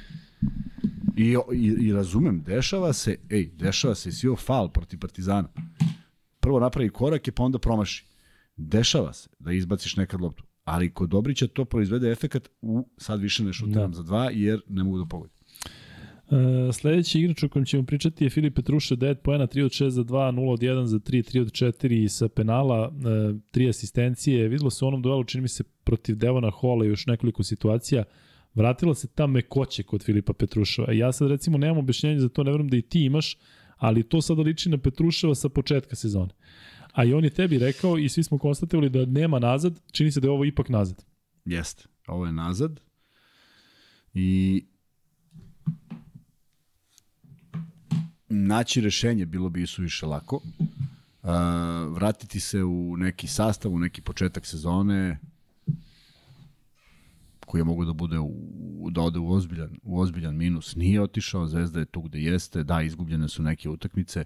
Mislim da mene izluđuje kad pročitam dok još traje utakmica, gotovo je, nema šta, jer, jer ja to ne volim i stvarno mislim da nije gotovo i ova utakmica je pokazala da nije bilo gotovo. To što Zvezda nije imala malo više pameti i možda nekog raspoloženog igrača, to je problem, ali pokazalo se da Armani zna da prospe i 17 razlike i mislim da treba da se igra do kraja. I mislim da treba da im damo podršku e, i jednoj i drugoj ekipi i sve one koje simpatišemo ekipe koje nas zanimaju, dati podršku, biti strpljiv, probati sve do kraja.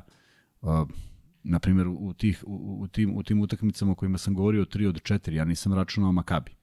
Znači, računao sam da Zvezda može da pobede u Italiji dva puta i do Albe. Sad zamisli ti pobedi sa Makabi i pobedi sa Alba. Ok, onda si u minusu tu jednu utakmicu, nije toliko strašno, ali sad treba mnogo snage i psihičke pripreme i svega da to bude drugačija utakmica. Ne znam koliko može da bude, zato što svi igraju agresivno i svi čitaju i svi gledaju i svi se spremaju na osnovu posljednje utakmice. Ne vjerujem da neko gleda utakmicu od pre dva meseca i kao je, znaš kako je Zvezda igrala, nego gledaju šta se dešava na samom kraju, to jest dan, dan pre, velika je, veliki je napor, nema odmora, nema treninga, nema ničega, ne znam s kim Zvezda igra u ABA ligi. Vidjet ću. A, i Gokeja. Da. Znači, i to je jedna utakmica gde moraš da se, da, da se ovaj, potrudiš. Nije baš da možeš da kažeš aj sad igramo pa baš nas briga. Tako da, zgusnut raspored, ide se dalje i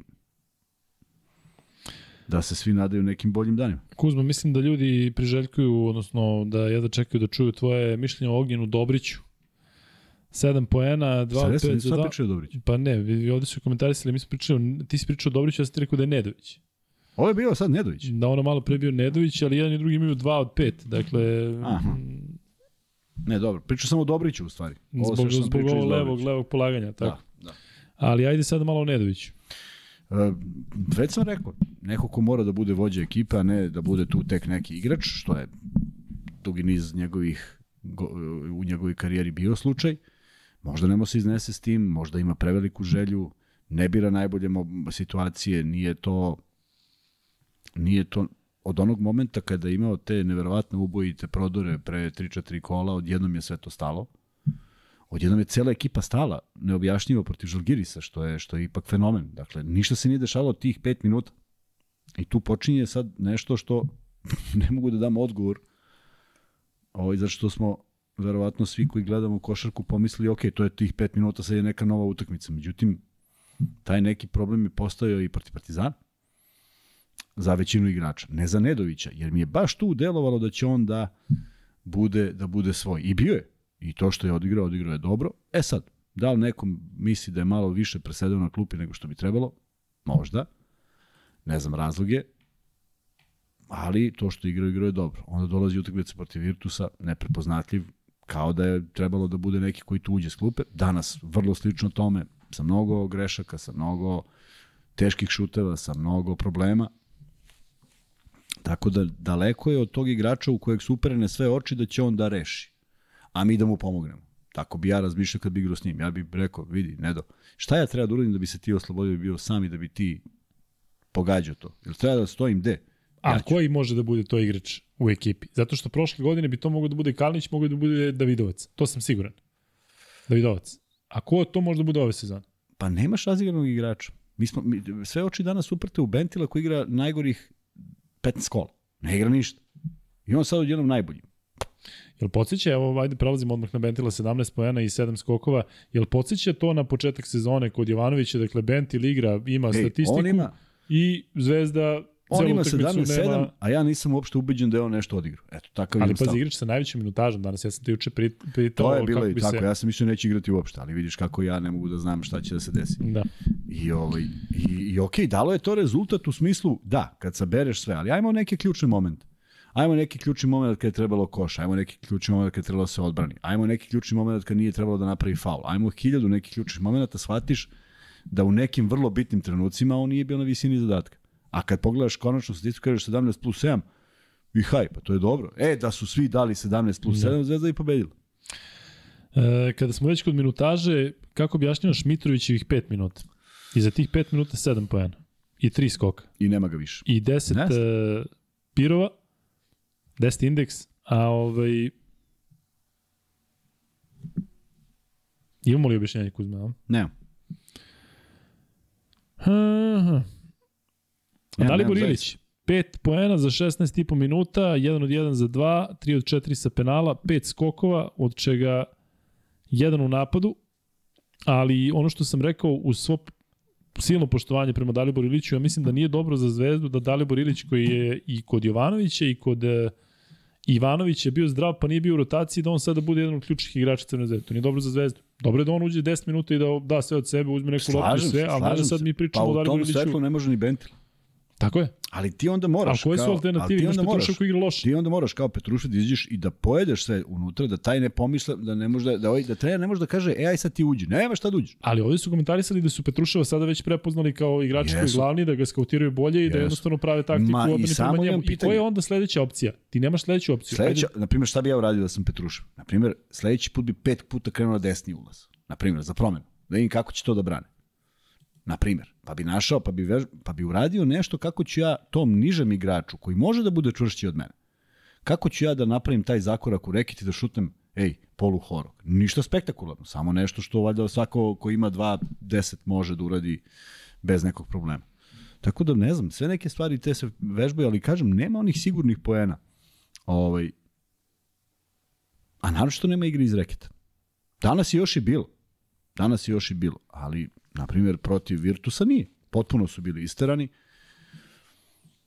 Da li je dobro kad je Kuzmić tu i da li on može više i da li on stvarno ima problema? Ajde, Možda ima. se za Ku, na Kuzmića 11. Odlična, e, odlična rola, minuta, velika želja, Poena. bez nekih grešaka, sa poenima, sa skokovima, sa čačne loptu ovde, čačne onde, zaustavi, smeta, Jeste. skoči. Meni je sve okej. Verovatno te neke priče da on ima problem možda sa, sa, sa, sa plućima, sa kapacitetom pluća posle ovoga saobraćaja nesreće, možda to stvarno ima ima smisla, jer, jer toliko se zadiše da je on u trenutku zaista se ono, naslonio na kolena i delovalo je kao da će da se onesvesti. Tako da mi je krivo što on ne može više da igra, ali mislim da ni na jednoj utakmici njegovi minuti nisu bili prazni. Šta god neko drugi mislio, da li se to gleda kroz poen ili kroz bilo šta. Mislim da donese neku prednost. Ono što ne može da donese, to je kad imaš ipak Davisa koji je brži od njega. A on je najsporiji njihov igrač. Ili Heinza koji kad se zabode ne možeš ga pomeriš, nema sile da ga neko pomeri, a ne Kuzmić koji je mnogo viši i nema na šta da se nasloni. I ovaj kad se zabode, to, to nema pomeranja. Tako da možda mu ova ekipa ne leži, a opet je uneo neku, neku svežinu u igru Zvezde i zahvaljujući njemu taj rezultat u prvoj četvrtini nije bio veći kako izgledalo. I prva četvrtina nije bila sjajna, ali je bilo sasvim pristo- pristojno za nastavak utakmice. E, sledeći igrač je Stefan Marković. Marković je na ovom meču imao sadržajnu statistiku kao i obično 3 poena, 4 skoka, sva 4 odbrani, 5 asistencija, ubedljivo najbolji asistent u Zvezdi. Zvezda je ukupno imala 15 asistencija, Kuzma znam da ti to smeta, ali Pa ajde, na, pa nema šta, sve se su na, bili na solo. Markovića. Pa sve su bili solo, solo akcije uglavnom, slabo je lopta išla, svi u nekom strahu da dodaju. Negde ima, ima razloga za dobro, kad je dobra odbrana, kad je dobra odbrana ovoga a, protivnika, naravno da te poremeti, naravno da neke stvari ne možeš da da ovaj da rešiš, ali ipak je ovo ipak je ovo ovaj a, Šta je bilo, nešto si ispojio? Ne, ne, ipak je Šta si rekao, šta sam rekao? Pojma, Odlično nešto mi, si vidio na telefonu, neko bombardovanje, bombardovanje na Odlična telefonu. misao. Ovaj, Za Markovića kako igraju svi soliraju i nema puno Da, asistencija. kako nema, puno- da, i onda i onda uvuče se strah i ti onda ideš kontru u nekom momentu i vidiš da ta lopta ne ide ni u, ni u tranziciju. Odjednom se svi nešto blokiraju. A to je to, to je to kad nisi siguran, kad ne ide ta lopta. Faktički dve kontre koje smo videli, jedna je bila onaj pogodak sudija u glavu, pa ostala lopta tu, pa ko vele ajde da izbace, a, a druga, druga možda nije ni bila druga. Tako da jeste to, pokazuje neku nesigurnost, nigde lucidnih pasova, nigde neko dobro čitanje, nigde neka Nigde neki neki igrač postavljaju pitanja koja, sa kojima se slažem. Niko na otvorenom šutu celo prvo polovreme. Ne, nemoguće. Dobro, a Zvezda ima igrača koji mogu da bace lucidno pas Vildosa, Nedović, Marković, dakle nešto tako nešto je, ima. ima, tako. ali ništa se ne dešava. E, Kuzma, ostalo još da prokomentarišemo Stefana Lazarevića, ti se sa mnom naravno nećeš složiti, jer ja mislim zaista i dalje da Lazarević mora da doprinese više posebno u napadu, a ako je već toliko pouzdan da za 16 minuta odredi neke stvari, onda ne treba da mu se desi ono što mu se desilo, da mu onako ukrade čovjek loptu i da okrenut leđima, ne znam komu je ukrao loptu, pa je bio koš za Armani lak. To je jednostavno nešto što pokreće i podiže ekipu protivničku. Znaš ono kada mu je neko izbio loptu na, Da, na, na da. čevanom autu Da. Na autu ispod koša. Da. E, 16 minuta 0 od 0 za 2, 0 od 0 za 3. I dao je naravno jedan taj poen sa penala, dva skoka, nema asistencije. Kažem da on u odbrani sada gine i da ne znam šta i da ne možeš da nađeš ništa, meni bi to bilo okej. Ali ovako neki detalji i ta nesigurnost kod Lazarevića, on deluje da je Jeste, manje on mora. produktivan nego prošle godine. Tako je, tako je. To mora bude drugačije. On mora nađe svoje poene, on mora da bude, da pokaže inicijativu. On mora da prepozna kada sve stane i negde se ukaže prostor i on se za, ubaci dole i primi loptu. Pa što, Pritom on ima tu građu da može da Tako je, krene na kucanje, je, može tako da, da, da, Tako je, do pre četiri kola skidu lopte u napadu, dao osam poena na svoju energiju, a ne kad dobije loptu. Prema tome, kao da je on potonuo, kao da je negde u, u, težina, važnost utakmice kao da je negde potpuno ga blokirala da radi neke stvari koje nas je navikao da radi. I da vidimo da li ima još nekog koga nismo prokomentarisali, Vildos, Jesmo, Lazarević, Mitrović, Lazić, dobro, Lazić, hoćeš još jednom Lazića da, da pomeneš. Hoću, to ću sad posle Dobrić, kad završimo sve Ivanović igrače. nije igrao, ili trebalo Ivanović možda dobije neke minute i Holand Pa nije ne, igrao, bi nešto promenili jedan ne, i dvojica, ne, ništa. Ne, ne, Očigledno je takva odluka bila i ja to potpuno razumem s jedne strane. Holand što nije bio u 12, ne smeta ti to što ne više, je smeta, tako? Pa ne smeta mi naravno. Dobro, Kuzma, to je to što se tiče Zvezde, dakle, Zvezda, rekao bih sada u problemu. Šta je sada, Kuzma, pri ovakvim, eh, ovakvoj formi sa utakmicama koji ipak taj raspored koji, koji, koji sleda u Zvezdi nije toliko loš. Zvezda je trenutno 13. sa skorom 10-13, ali ono što je problem, Zvezda je imala 10-9, dakle četiri poraza za redom. E, koliko je bila dobra ona serija u kojoj je Tako je, bio tim, sada ovo deluje, da. da. E, Zvezda u narodnom kolu, to si rekao, igrao u Pioniru protiv Goke, pa onda gostuje Makabiju, pa gostuje Zadru, pa dočekuje Borac, ne znamo šta će biti, odnosno igra protiv Borca u kupu, da li će to uopšte biti kako, kao što treba da bude. I onda naredni protivnici u Euroligi, dakle posle Makabija, jel pratiš Kuzma? Alba, pa Bayern, Alba Bayern pa Efes kod kuće, Jeste. pa Panathinaikos na strani. Dakle, Jeste. ne, ne, nije loše. Od tih pet meča Nije loše, ali da ovih, dobiti ali ovih, ovih pet je bilo bitno. Zaključno sa Albom. Nije još izgubljeno sve da se ostvare dve pobede, ali već, već je kik se osjeća. A sad ići na varijantu, ajde da Zvezda ode i da pobedi Makabi, a nije, nije to uradila Da, šta, na jednoj ma, pritom utakmici. Makabi, i ko znamo kako igra kod kuće, i večera su dobili Valenciju i znaš kako Tako, svi nasmeni, tako, idemo sad tako. na Uje, razvaljujemo. Sad cepamo. Sad Ali stvarno se namešta, evo koliko puta to govorimo, više Armani je podigao formu, pobedio je prvu zvezdu ovde u Beogradu, tu su se kao izvukli, pa su sad pobedili pre dva dana Baskoniju, super, idemo, Sve kreće serija. Pa znamo šta je bilo i u P- Žalgirisu seriji, pazi, Žalgiris je sada ozbiljno pao.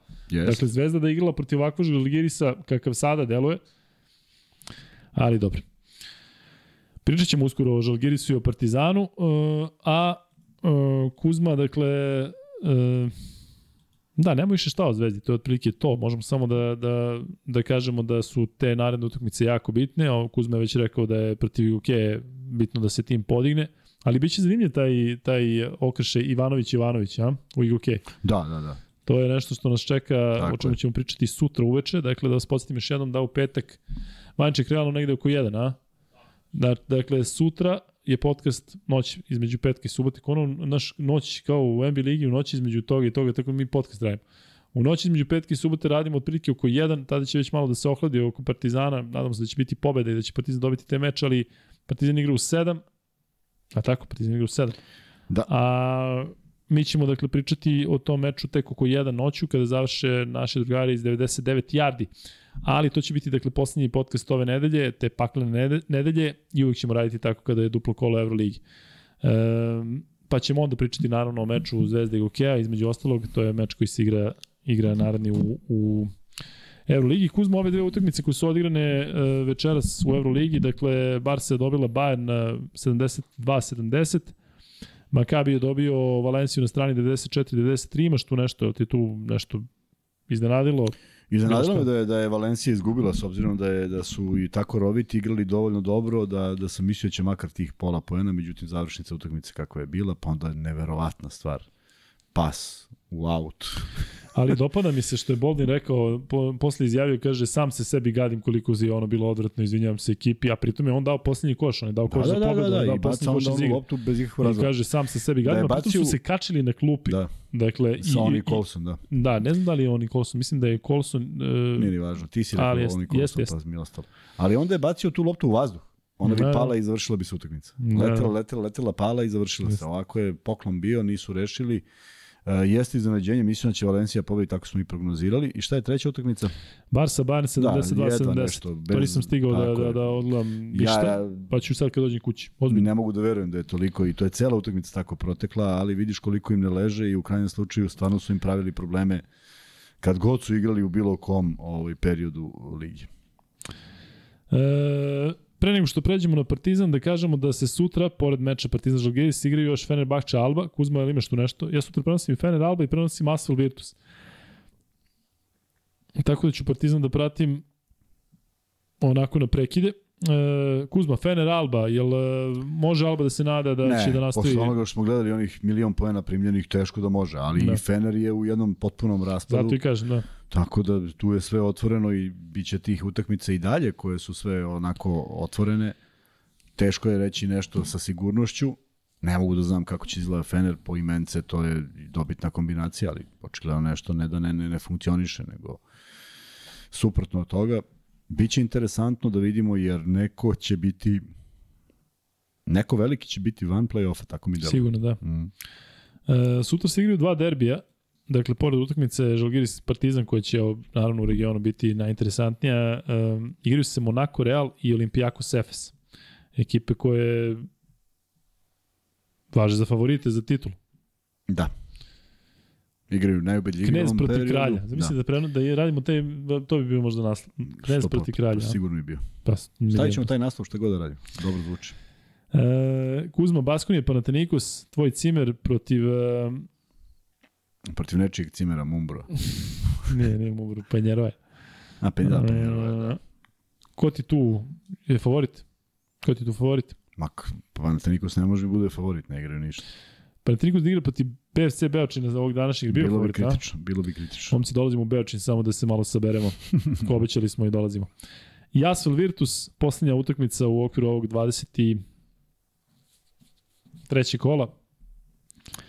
To će biti ovaj vrlo interesantan duel, zato što Virtus Zato što treba ja sada... prenosim, pa sada jeste, jeste, utakmicu. tako je da gledate svi, zato što Luka prenosi i da slušate, ne da, da gledate samo. Ovaj biće interesantno zašto Virtus treba potvrdi ovu neku da valorizuje ovo što je uradio protiv Zvezde i i uh, da, da, da dođu do dve uzastopne pobede, da malo se približe toj nekoj grupi kandidata za top 8, još uvijek nisu otpali. A s druge strane, Asvel, ovaj, ako želi nešto malo više, mora da popravi utisak, jer ih je Partizan potpuno oduvao sa terena, a oni ipak e, deluju drugačije i kod kuće, dakle, ipak imaju tu neku svoju bazu gde igraju malo slobodnije, malo drugačije, pa ih ponese publika, ovde su bili potpuno onako e, što, što sa, sa tribina oduvani, a igrački nisu nisu bili ni približno ona ekipa od koje je Partizan iskreno verujem da da kada kada upozoravaju da treba voditi računa ko tu igra nisu bili ni bleda senka. Dakle svi su bili zaustavljeni u, u nekim momentima i, i, i nisu uspeli da kreiraju dovoljno da bi uopšte naudili Partizanu tako da da nije bilo oni one početka one treće četvrtine moglo da bude i mnogo veća razlika I pre nego što pređemo na Partizan, evo obećavam da je ovo sada poslednje, dakle, a, da vas pozovemo da lajkujete u smislu, dakle, hiljaditi lajk nam donosi drugi free bet, koji će da bude neko šarkaški, Kuzma smišlji nešto, ti voliš te Da, imam već, da. Imaš stvarno? Uh -huh. E, ništa ljudi, hvala nam je 120 lajkova pa da čujemo Kuzmu, a e, druga stvar, vidi koliko imamo subscribera, mislim da je sada vreme da proslavimo tih prvo, 16.000. da, da, kad sam već na ovome. Ajde. Dakle, 2. februara je tačno 30 godina od jednog od najboljih komedija, Čekaj, je to free bet? Fribet, Pa čekaj bre, nije došlo do hiljaditog. ma bre, pusti me sad. O, Kad je- kad mi je ej. na ekranu. Pa nije malo pre Nedović, Dobrić, a?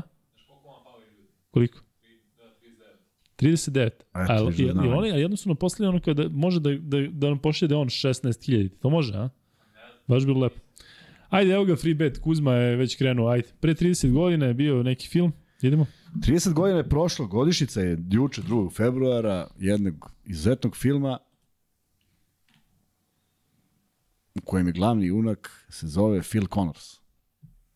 U, pa to je moj omiljeni film. Pa ajde neko neka kaže kako Koji se je zove. film? Dakle, free bet. Pa kad si me prekinuo u pola. je. Nije goli pištolj. Pazi, Dan Mrmuta, Marko Topalović, Tope, svaka čast. E, tope, 2. šalješ februara se dešava radnja. punk sa Tony Phil. 2. februara se dešava radnja i jutros dobijam poruku Neše Andrića, srećan ti godišnjica. Reci kakav je film. Film je... A ti voliš generalno Mareja više nego... E, ne, Mare mi je tu maestralan, a I onda u- je u Lost in izgubljen, Translation potpuno... Po... Ja prosto ne mogu da zamislim... Space Jamu ti nije nešto. Ja, ne, ništa. Ja ne mogu da zamislim neku drugu facu da glumi onog izgubljenog čoveka i u Jeste. prevodu i u Japanu i sve što se dešava potpuno je maestralno. Mogu mi, ja mislim da mu izmakao Oscar za tu ulogu. Potpuno mi je žao, pošto je jako teško doći do takvih Ne, ali bilo te, te godine bio neko ko je Bila je, bio bila je, zakucan da, da, nešto. sve stoji, sve stoji, ali mi je žao što nije zato što, znaš, ne dobijaš ti svaki put scenariju koji ti tako legne, drugo uvek je u komedijama i ovo je na neki način, ajde, nije komedija, ali više drama sa nekim prilično smešnim elementima, ali genijalan film. I onda, ove, i to je uradila ova, to je prvenac ove, Sofije Coppola, jeste. Šta onda dođe Nikolasu Cage-u? Pa ako mu je ovaj... Šta mu je ovaj? ne znam. Danas sam gledao Stric, Francis. stric. Ne, ne, stric je Francis. Ali pazi, šta je Talija Shire? Onda je ovaj ujak. Šta je Shire, Talija Shire? Sofi, Koji Sofi? Kopoli. Gde znam? A pazi onda, Talija Šar i Nikolas Cage, sve. Ali pazi, e, danas Snaja. nešto... yes, š, šurakinje. E, danas Šurnjaja. gledam... Šurnjaja. Danas gledam ovaj... danas gledam e, kako se snimao Kum. Ali sad, bukvalno ono, pre nekoliko meseci su odradili kao pričaju sa Duvalom i pričaju sa Kopolom o tome i bre, njega su baš, mislim, znao sam da su ga baš kanalili, ali da on dan danas kaže imam stresove kada se setim kao kroz šta sam prolazio kao tokom snimanja, tipa, znaš da je on forsirao da bude Kan, da bude Pacino, da niko nije hteo, da nisu hteli ni njega, i eto napravi jedan od... Gde ti je kum u, kada praviš top filmova svojih, gde ti je on, na kom Tu je, tu je, uvek. Uvijek tu? Uf, da, da. Dvojka? Dvojka. Dvojka pre? Pa dvojka zato što obožavam Denira generalno. I mislim da je tu majestralni, da je dobro, dobro kombinovano vreme. Reci kako odigra, odigra onaj perverzni dek, tu je pokidao. Da, to je genijalno, to je jedan od najgenijalnijih, prosto negledljivo, ali dobro, to razumemo pod stare dane. Ali e, odličan je Michael Caine koji kaže, kad ga pitaju, pa dobro, zašto je glumi u tom filmu? I sad on treba smisli neki pametan odgovor i kaže, znate, kaže, mnogo puta su me pitali, i moram da dam jedan najiskreniji odgovor, znam. trebale su mi pare. Da, znači nešto što nije Da, ni, da. ni prošlo ovaj, pored kvaliteta takvog glumca, ali da, ovaj, Kum 2, 3 naravno nema veze s mozgom. A što svi toliko trojku, razumem, sve razumem, Pa ali je- ne može je- baš toliko da Da, da što je protok vremena, zato što je sve nešto, znaš, pro pola ne možeš da ispratiš. Dobro, ali vidite Pacino u onakvoj ulozi, on je recimo posle toga snimio Carlita, Carlito je maestralan film za Ali vidiš kakva je razlika, ovde glumi Pa. dedu bolesnog, a ovde glumi pa, ono zato- bađu pa, da, koji ono. zašto glumi dedu? je. Pa, pa, ali meni je okej kako je sve to iznuto Pa, i Garcia mi je generalno jedan od omiljenih Kad imam glumaca. ta dva dela, onda nemam problem Jest, da, da mi taj se, bude treći. Znaš da je trebalo četvorka da se radi pa, sa DiCaprio. Znam, znam, da, ali ne treba da, da, da se time bave. pa ne može, ova prva dva su kultni, kao i, kao i bilo jednom u Americi, prosto ekipa glumaca. Bilo jednom u Americi da je šest sati. Pa da, ako imaš 6 sati pogledaš. A Jelene podcast. se nadavao nedavno. Lost je moj I to je maestralan film, tako da ovaj, Kako sam ti poslao, kako se zove Christopher Walken u filmu? u nešto Nikanor, čudno, da. Šen Da, da. Christopher Walken maestralan tada. Da, on je dobio Oscar. On jeste, da. E, to je moj omiljeni film sa Johnom Casalom, kakve su tu emocije, pazi, on i Meryl Streep, on čovjek umire, e, ima čak jedna scena gde su njih dvoje kao jedna pored drugi. Jedin, jedina scena gde je on normalan prema ženama u tom filmu je kada on priča njoj, bit će sve u redu, vratit će se Niki, sve okej. On je umro, nije dočekao, znaš kom priča, John Casal, Znam Freda. šta nije dočekao. nije dočekao premijeru filma. Raga je izjeo tokom snimanja da su snimali neke scene. Nisam znao. Nisi znao to? Još da prekinem podcast na pola sata ti objasnim sve zašto volim da pričam o tome. Ljudi, vreme je da pričamo o Partizanu. Dakle, Partizan uh, igra protiv Žalgirisa uh, u, sada već danas, u petak od 19 časova. Kuzma, Partizan u naletu, Žalgiris u padu forme, Žalgiris je izgubio um, od Jonave za vikend i to na, na je znaš to, da je bio kao ispreće i Kalnijetisa. Da, ovo je nezgodna ekipa. Što je Jonava? Jonava ima uh, Gereta u, u, ima Gereta u ekipi, imaju ovog jednog pleja koji je isto interesantan, ali taj Geret je jedan solidan, solidna četvorka, petica za standarde litvanske košarke, ali tih timova. On ima ženu i ćeru. Ta žena toliko skače. Utakmicama? ne možeš da veruješ. Dakle, ona se spušta dole na teren, ono, idemo, ovo, ono. Dakle, ja veću podršku nisam uh, Dugo vidio. vidio. I, i Pa čak zato, su, pitaju, do, pa zato su dobili. Naravno da su zato. Dakle, Dakle, savet svim ženama zvezdanih košarkaša. Skačite. Kuzma, dakle, na stranu Jonava i Jovana, um, Partizan mora da iskoristi ovo, ovaj trenutni momentum da dobije Žalgiris i da dobije meč. Ajde prvo da idemo malo opšte, pa ćemo Da, posle da mora, protiv. ali nailazi na čvrstog protivnika i stvarno mora da odigra nešto što su odigrali u poslednjih par utakmica, zaista uh, sa mnogo manje grešaka i oscilacija, oscilacija pre svega. Ono protiv Asvela je zaista bilo Tako, tako. I, i, I to je ono što sam rekao već za, za, za tu utakmicu, reakcija Obradovića, ok, igraj, nema veze, tri izgubljene lopte, igraj. I možda je to prva utakmica da nismo videli tu reakciju Obradovića, ako se ti slažeš. Jeste. Dakle, nekako se sve poklopilo, shvatili su važnost utakmice i odigrali odgovorno. Dakle, to je reč koja se traži. Ja bih volao da Zvezda igra odgovorno. Sad, kako će to neko da razume i kako se to prilazi igračima, da mu to objasniš, ne znam. Ali ja sam imao tu neku dozu odgovornosti prema svojim saigračima i treneru i našoj zamisli kako da igramo i naravno da sam imao momente kada mi je sve išlo, pa onda zanemariš taj detalj jer jednostavno sve ide. Ali ove utakmice koje lome, koje su vrlo bitne, koje su direktni konkurenti, e, mislim da je Partizanu mnogo bitnije pobedi Žalgiris nego da pobedi prvoplasiranog za sedam kola na, na, na tabeli. Dakle, ovo će biti direktna borba Direktno u smislu i Partizan ako dobije i jedan i drugi tim ima 12-11, a Partizan je dobio oba meča. Znači u Tako prednosti je, u Žalgiris, kao što je. Žalgiris recimo protiv Zvezde, Tako znaš, je, tako je, i razlika i odvojio se, tako je. tako da je jednako bitan meč. Partizan ako dobije ovaj duel će biti u top 8. Koliko je Partizan dobio prvu? Četiri. e, više, 10, 11 Dobro, ili 9. Dobro, to je dobro. E, nevjerovatno kako je stanje na tabeli. Dakle, 15-7 imaju Olimpijakos i Real.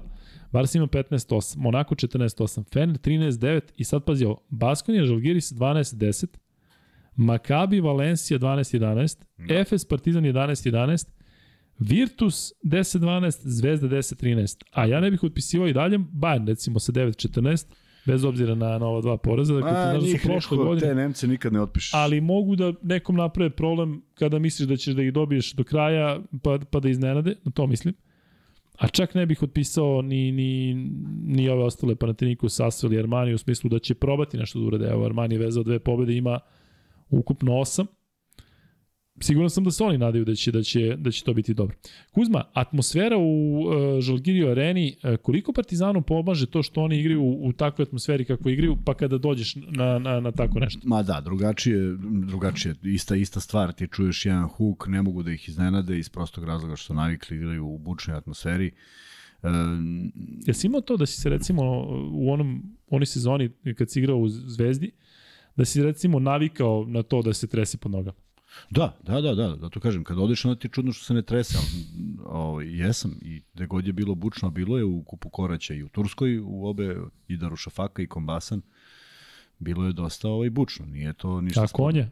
Kako Ko, kombasan, da. Konje. To je to, ja? Da, da, to je jedna, jesi bio u Čačku, znaš kako izgleda sala u Čačku? Da, Da, Ovo je da, isto da. tako, znaš, ona je u, u, u, u, u kao bazenče, kao da, da. si u, i u Rupije i stvarno nezgodno, ali neverovatno... Pričao je Šarenac, pričao ste to. Da, neverovatno dobra atmosfera, pesma od početka do kraja, nikakva uvreda, nikakvo nešto.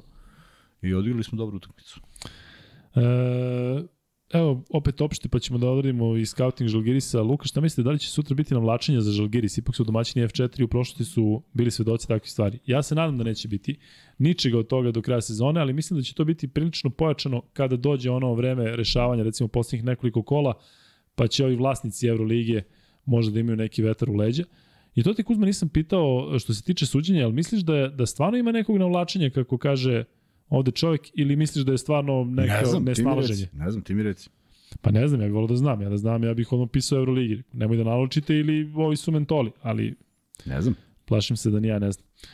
E, Kuzma, taj prvi meč između, između Partizana i Žalgirisa je završen pobedom e, Partizana, ali Partizan treba da razmišlja o toj razlici 10 pojena.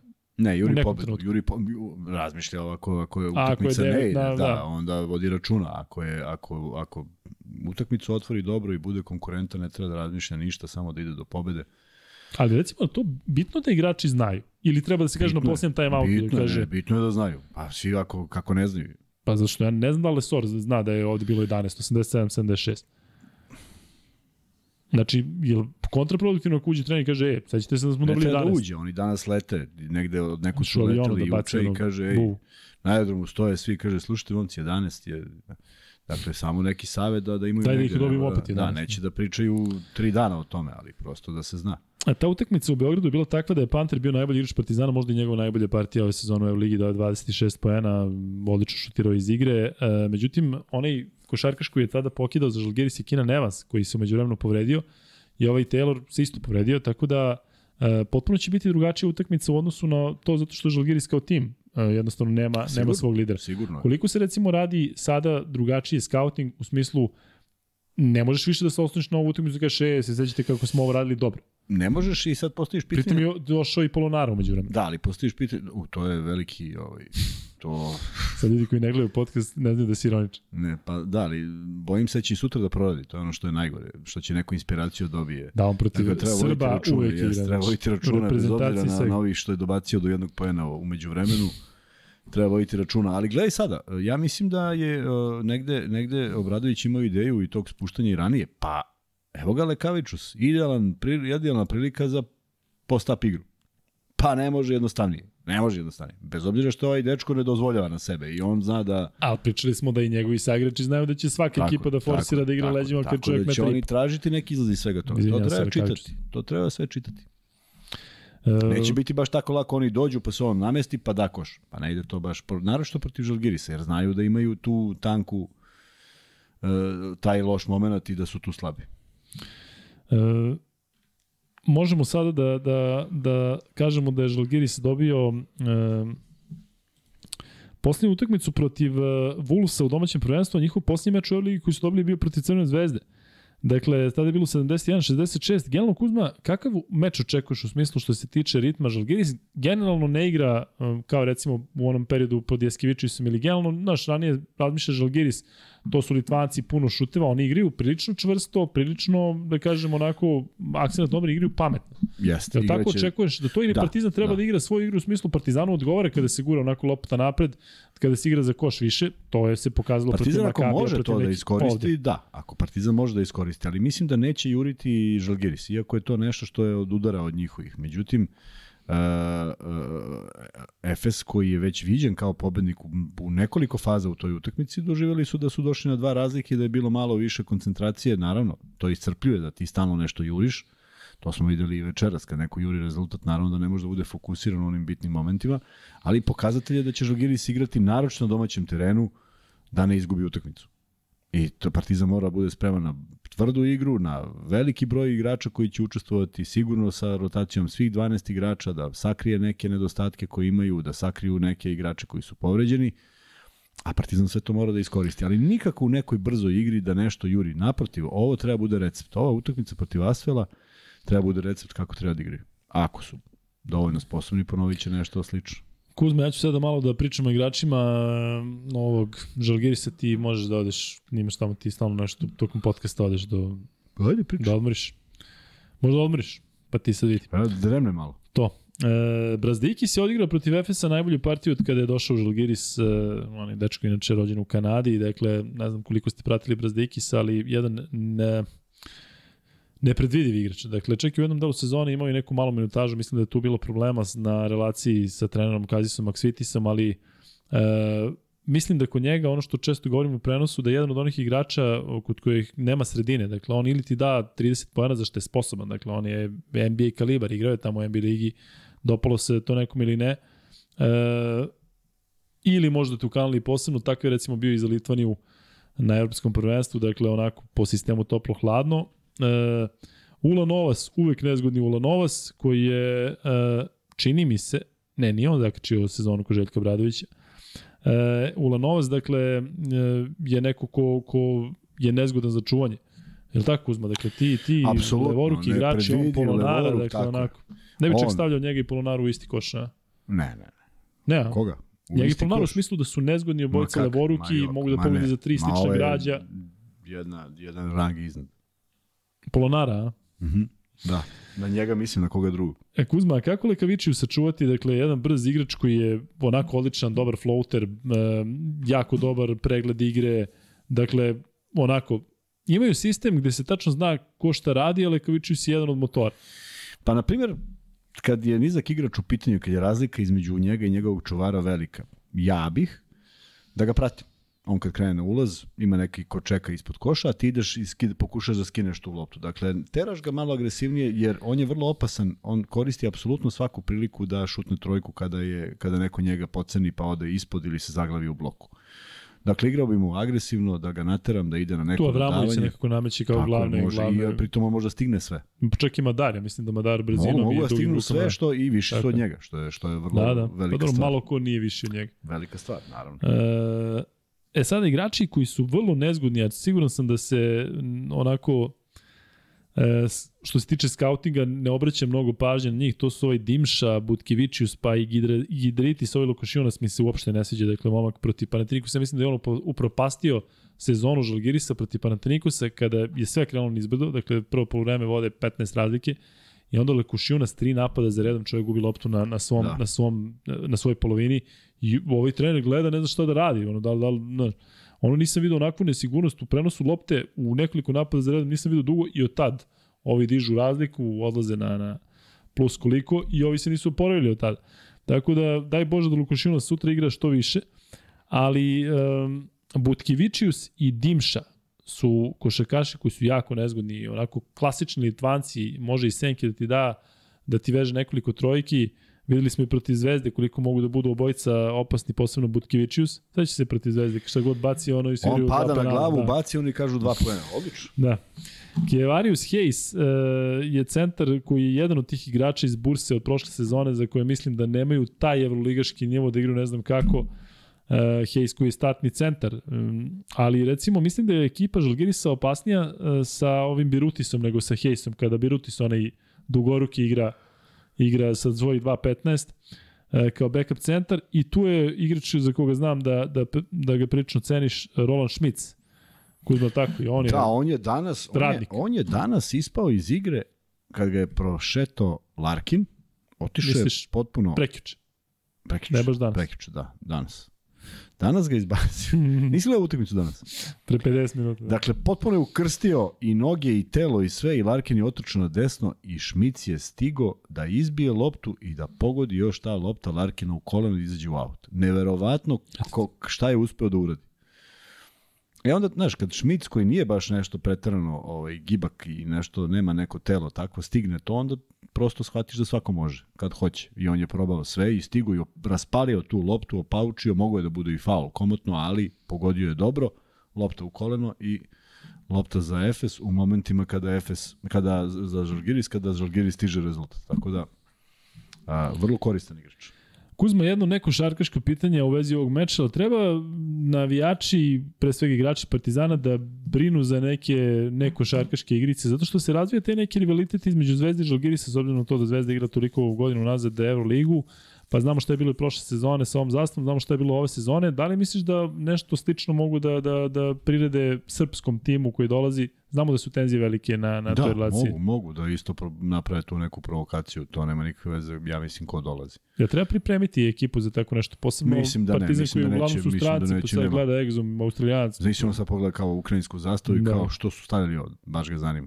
Tako da ne verujem da će to na bilo ka, koji način, a i Obradović insistira na tome, ma šta Obradović, svaki trener insistira, ne znaš šta su kačili, to nek neko drugi piše, ali ti si fokusiran na teren i to te zanima jedin. E,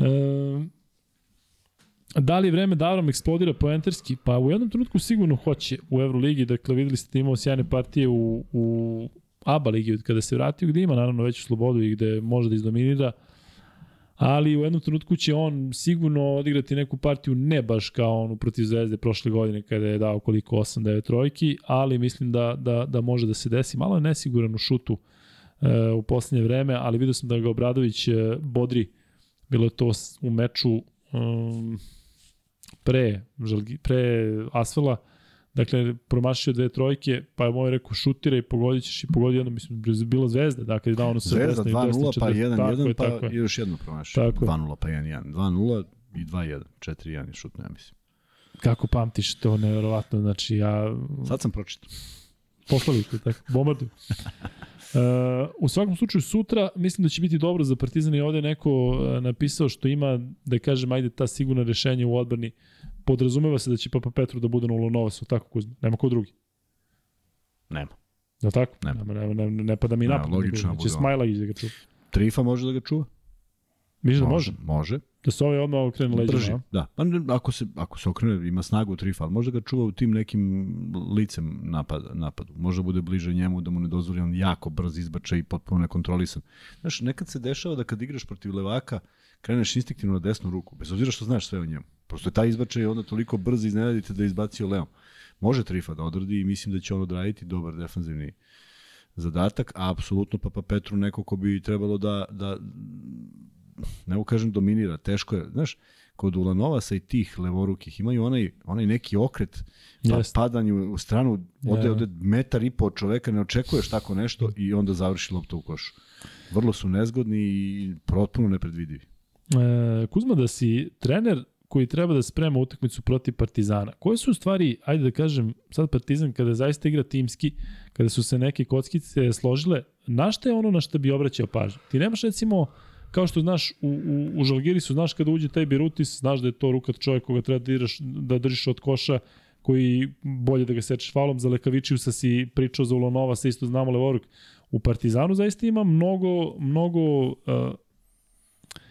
opcija u napadu, posebno sada kada Trifunović je napredovao liku, kada Smajlagić očekujemo da bude Vramović se vraća, dakle, e, kako skautiraš meč protiv Partizana? Pa napadao bi. Najslabije je... A ko je najslabiji? Pa najslabiji je zato što ne na poziciji pet ima samo jedan igrač, plus Majlagić. Dakle, napadao bi peticu, napadao bi Lesora, Lesora na da ga napravi, da ga uđe u pravo Najjednostavnijim spalo. kretanjima sa nekim blokom, naravno branio bi se dobrim udvajanjem u pravom trenutku što Partizan i radi, ali bi napao te najslabije karike zato što, kad kažem najslabije, da ima najmanji, najmanji broj igrača.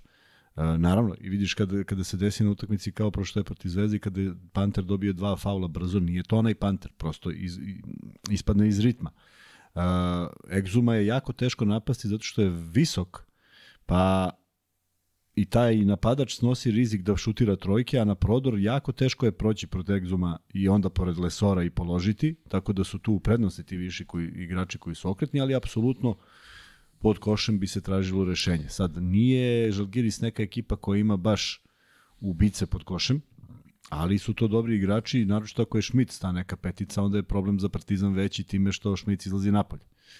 A, imaju čime da, da, da igraju i vrlo dobro čitaju napad, što je najvažnije. I neretko će se desiti da svi budu neko van reketa i tu treba bude ozbiljna pažnja kada, kada se pravi akcija za Ulanovasa da on odigra. Zato što majestralno isprazne reket. Nije to nikakva gužva i dešava se da nema ko da rotira da pomogne. Tako da ni oni nisu naivni i spremni su na te neke svoje dobre stvara, strane, ali a, ako Partizan ponovi onu igru od Asfelda, mislim da tu nema šta da bude. S druge strane, moraju samo da vode računa da kako god, kako god rezultat bude išao da nije kraj dok stvarno ne bude kraj. U to su nas uvjerili milion puta. Koliko misliš da će Vramović imati e, motiva da igra protiv bivšeg kluba? On igra tamo? Nije, samo proveram. proveram u kakvom si stanju 56 kako minuta pitanje, nakon... Kako nakon... podlo pitanje.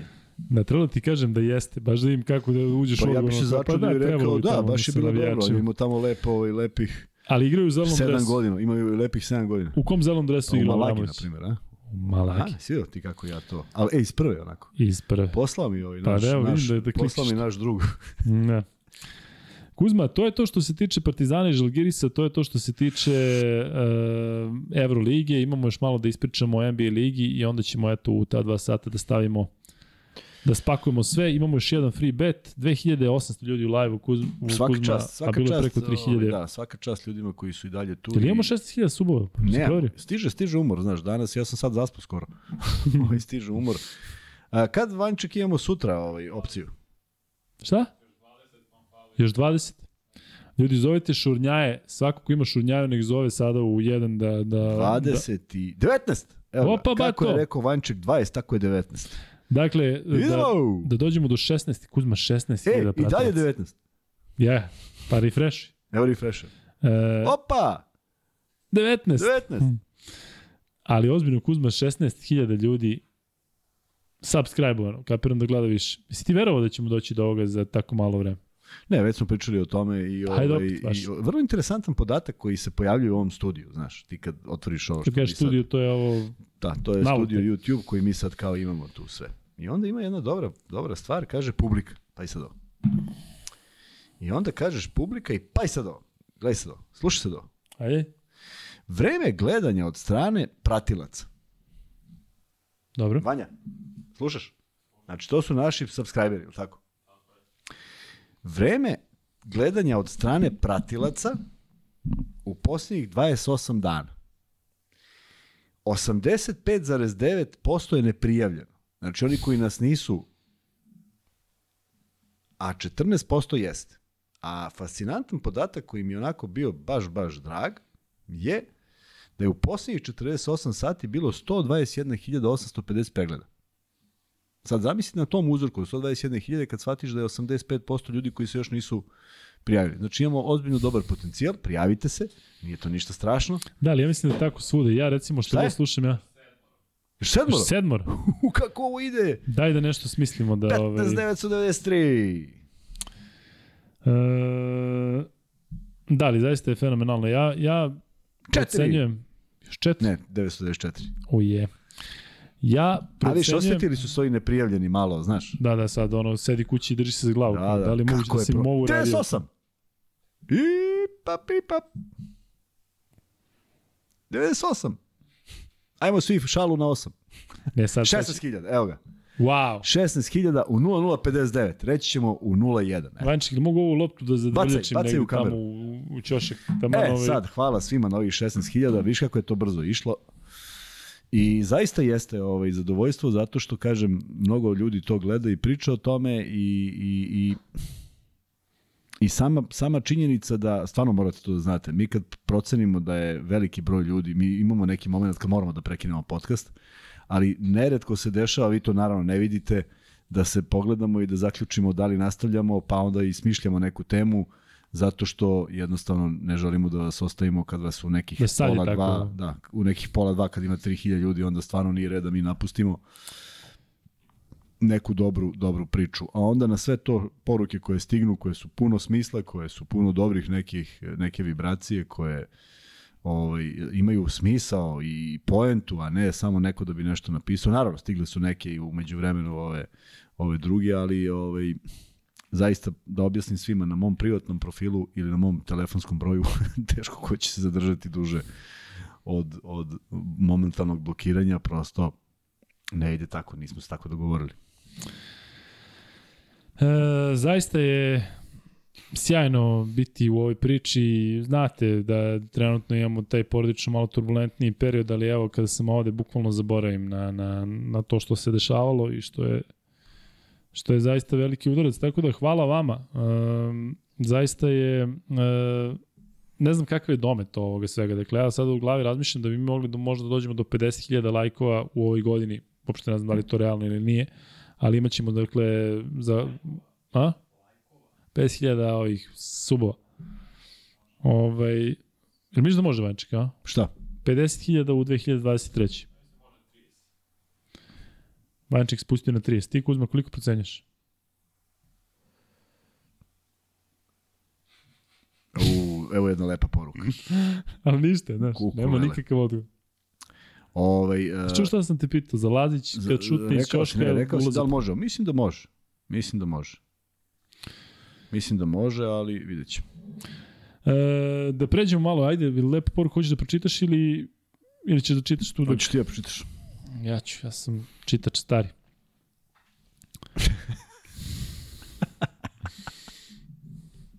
da, lepo je.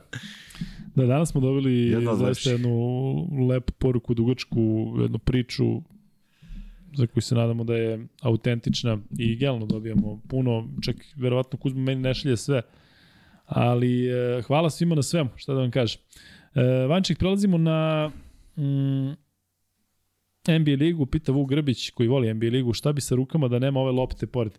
Ne znam, vjerojatno bih naslonio na Kuzmu, a i ovaj ultra dođe dobro, tako da... Da, da, očekujemo- zato to i stoji tu. Da, Ako neko misli da je to slučajno, tako je. E, Vanček, hoćeš da pričaš malo, a? Ajde, Vanček će uskoro da priča, pričat ćemo o NBA ligi i uh, Vanček, molim bih te da staviš pol, uh, ajde sad će Vanček da, da mu ga da malo ovde, da Vanček sada se hvata za neke gajtane, Ovo, samo da se ne obesi sa ovim što je uhvatio. E, dakle, e,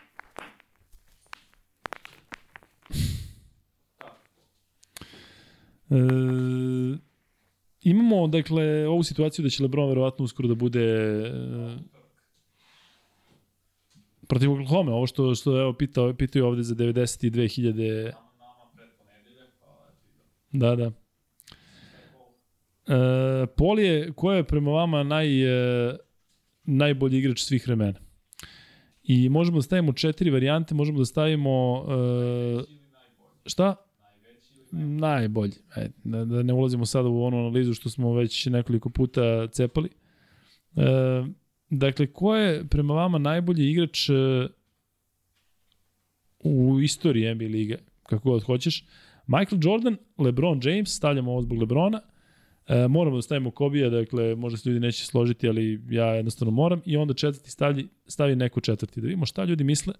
Znam da će verovatno Jordan dobiti najviše najviše lajkova, e, ali e, baš me zanima koliko će biti za Kobija. Uh, u svakom slučaju, Vanček, koliko misliš da je, da je ovo što će se desiti uskoro, u svakom slučaju, osim ako se nadi Bože Lebron ne, ne, ne, ne povredi, koliko misliš da može možda da podigne Lakers-e, da eventualno dođe do nekog play-ina? Dakle, mnogo se o njima priča, oni uh, su imali probleme sa povredama, ali mislim da niko ipak nije očekivao da će biti ovako loše plasiran na zapad. Apsolutno im ništa neće značiti ovo. Pa dobro, vratno će značiti Lebronu da možda igraš bolje. pa Lebronu da, će značiti i ja, vo, da, ja bih volao to da gledam utakmicu uživo, jer to je nešto što većina i navijača je mislila da je nemoguće. Iskreno, stići Karim Abdul-Jabara po poroj pojene, ja stvarno mislio da to skoro nemoguće. Mislio sam iskreno da bi to možda Kobe uspio da nije pokidao Ahilu u teti u 2013. Da. Tako je delovalo, išlo ka tome ili makar blizu. Ali ovo što Lebron radi, to je suludo. I jeste ja prvi koji kažem da se ne igra odbrana i da je mnogo lakše da se postižu poene, ali ti u 20. sezoni da daješ 30 po meču, mislim, to je... Ali pazi, onda je to ozbiljan Wow. problem u ostatku ekipe ako ti igraš tako, ako si jedan od najboljih ikada i ako imate negativan skor od početka prvenstva. Čak i Pol se nešto restartovao, moram opet ga... uh, Nešto se ugasio. Da nije opet neki hakerski napad. Nije, Napad, nije, napad. nije, nije. Ali pazi, imamo već odgovore. 47% Michael Jordan, 29% Ali LeBron James. 17 pored vas. glasalo. Jeste, da, je ali, ali, neki ali bug. pazi šta ti kažem da je uzorak taj otprilike će biti na kraju toliko. Da, ček, sad ću opet stane. Ok, javlju ti da si ugasio pol, tako da, da znaš da Nisam, su nisam, vidjeli nisam svi. uopšte dirao Pola. Uh, neko četvrti. Evo ajmo opet. Da, evo kažu ovde da je Šek najnezaustavljiviji igrač ikada. Ja se slažem da je zaista njegova dominacija nešto, ne možemo da ga uporedimo sa bilo kim drugim. Ali ne ajde, može ovo ta, smo ta, da... ta kombinacija sile, visine, snage, Jest. atleticizma. Up. Da mi imate donaciju. E, da, hvala Ivanu Jovanoviću. Kaži Kuzmi da se ispravi, ispao mu je stomak i to vas košta još subscribera. Da. Pa to je za one koji vole stomak. da, da, za one koji hoće da kupe majicu, pa da vide kako stoji. kako stoji realno, Da. ne sad. Znaš ja sad udahnem i misle stvarno Tako majica stoji ovako. pa imam laptop, pa ovaj, se ne vidi. Tako je. Da. Šta kažeš, Vanček? Vezano za šta? Za Lebrona. Ne, ne, nerealan uspeh. To treba, i stvarno to svi treba da gledaju, jer ne verujem da, će to, da ćemo to ikad videti u našim životima. Ja mislim da će Durant da dobaci do blizu.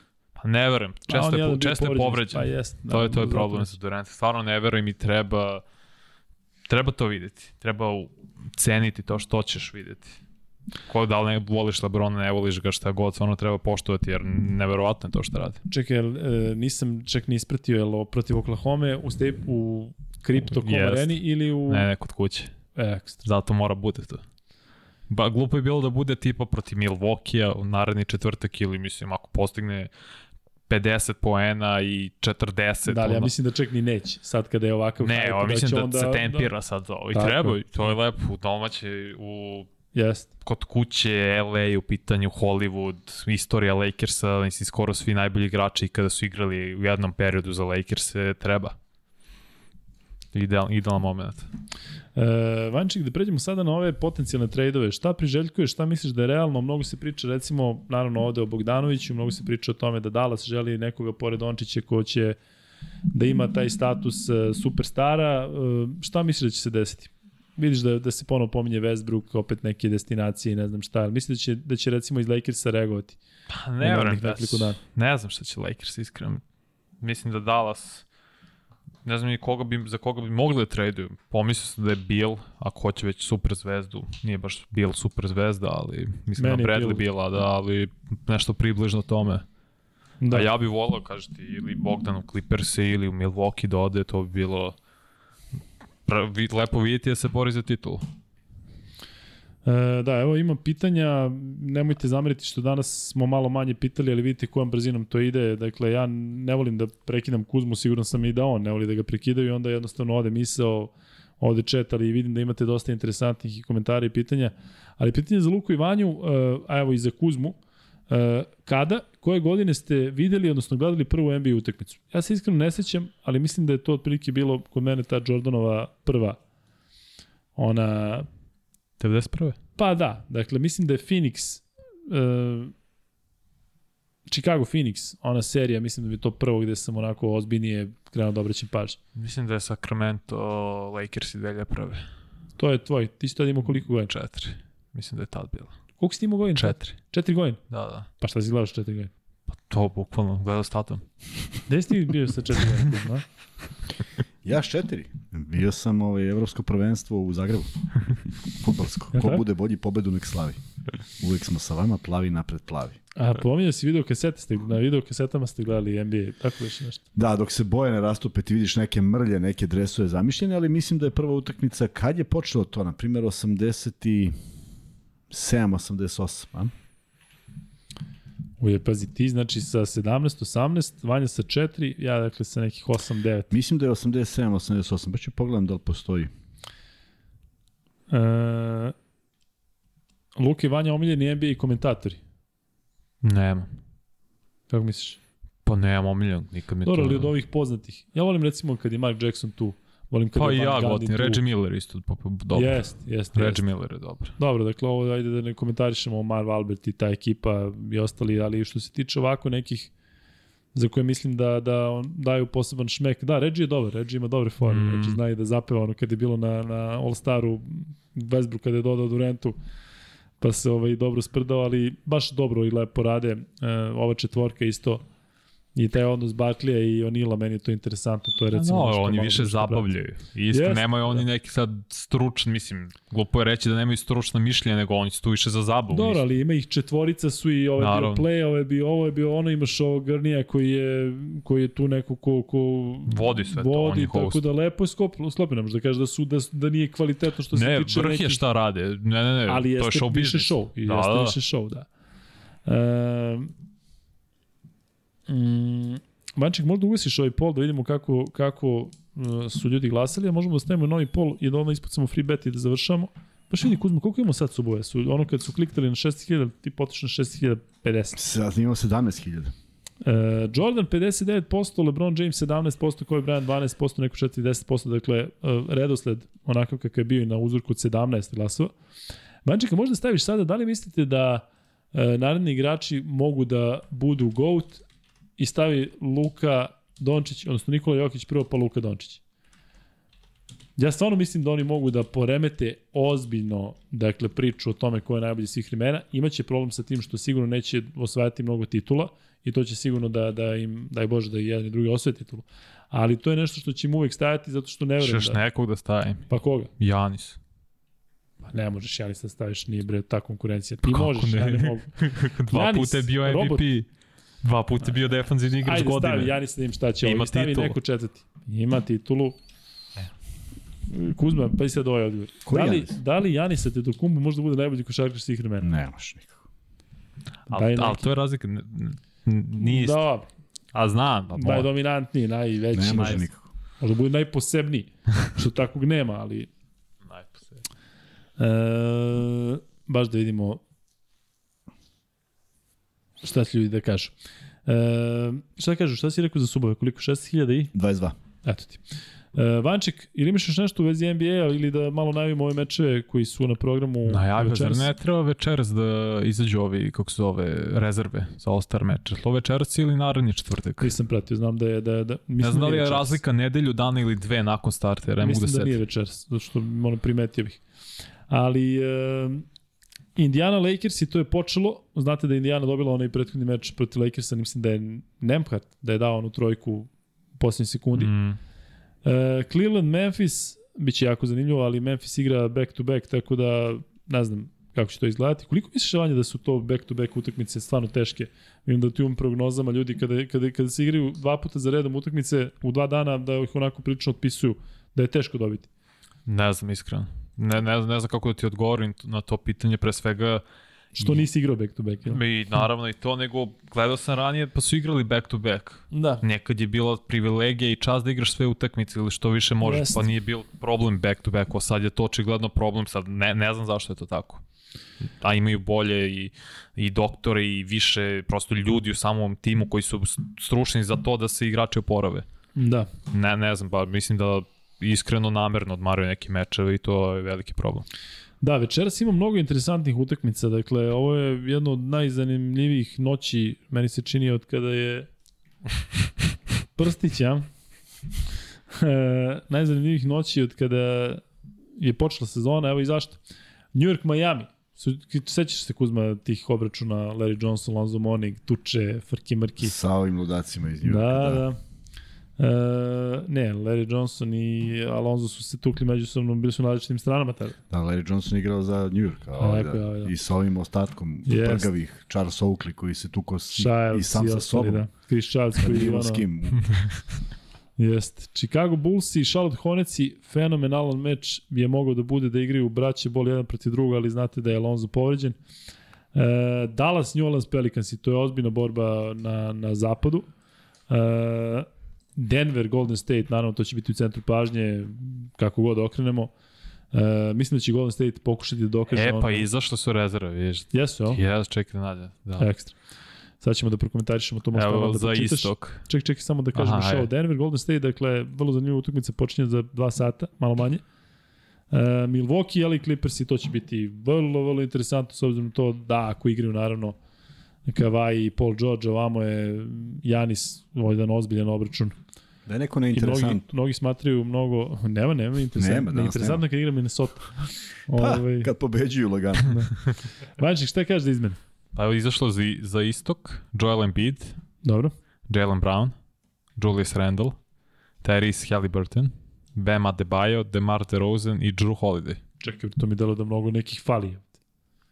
Pa ko ti fali? Hajdemo tim po tim. Prvo, Zach Lavin ne fali sigurno. Znači, onaj dečko nije normalan. Znači, pred neko veče ga gledam, dakle, ono je u završnici nekom, a nezadovoljan je, ali ono nema objašnjenja, ono što on radi. Dakle, ne znam koja je utakmica bila, ali vidio sam završnicu i posle nisam mogao spavam dva sata. E, dakle, on definitivno ne. Dakle, Demar, DeRozan je tu, ali tako? Mora da bude tu. Demar jest? Da. E, ajde, prolazimo dalje. Mora bi, fa, baš, baš fali neko. Kod Iz Miami Ha- je samo Bam, je tako? Tako je, da. Jimmy je u petorci. Nije, I šta, nije ni u rezervom? nije. Jimmy Butler nije All-Star. Pa mo, mislim da nije dovoljno mečeva odigra. Ma, Pogledat ću. Ali kažem ti, baš ono James Harden nije, ali igrao je dobru sezonu. Mada i on propušta Tatum je mečeve. petorka, Brown je, Brown je klupa, tako? Tako je, Middleton ne igra, Drew Holiday, uh, za mene. da.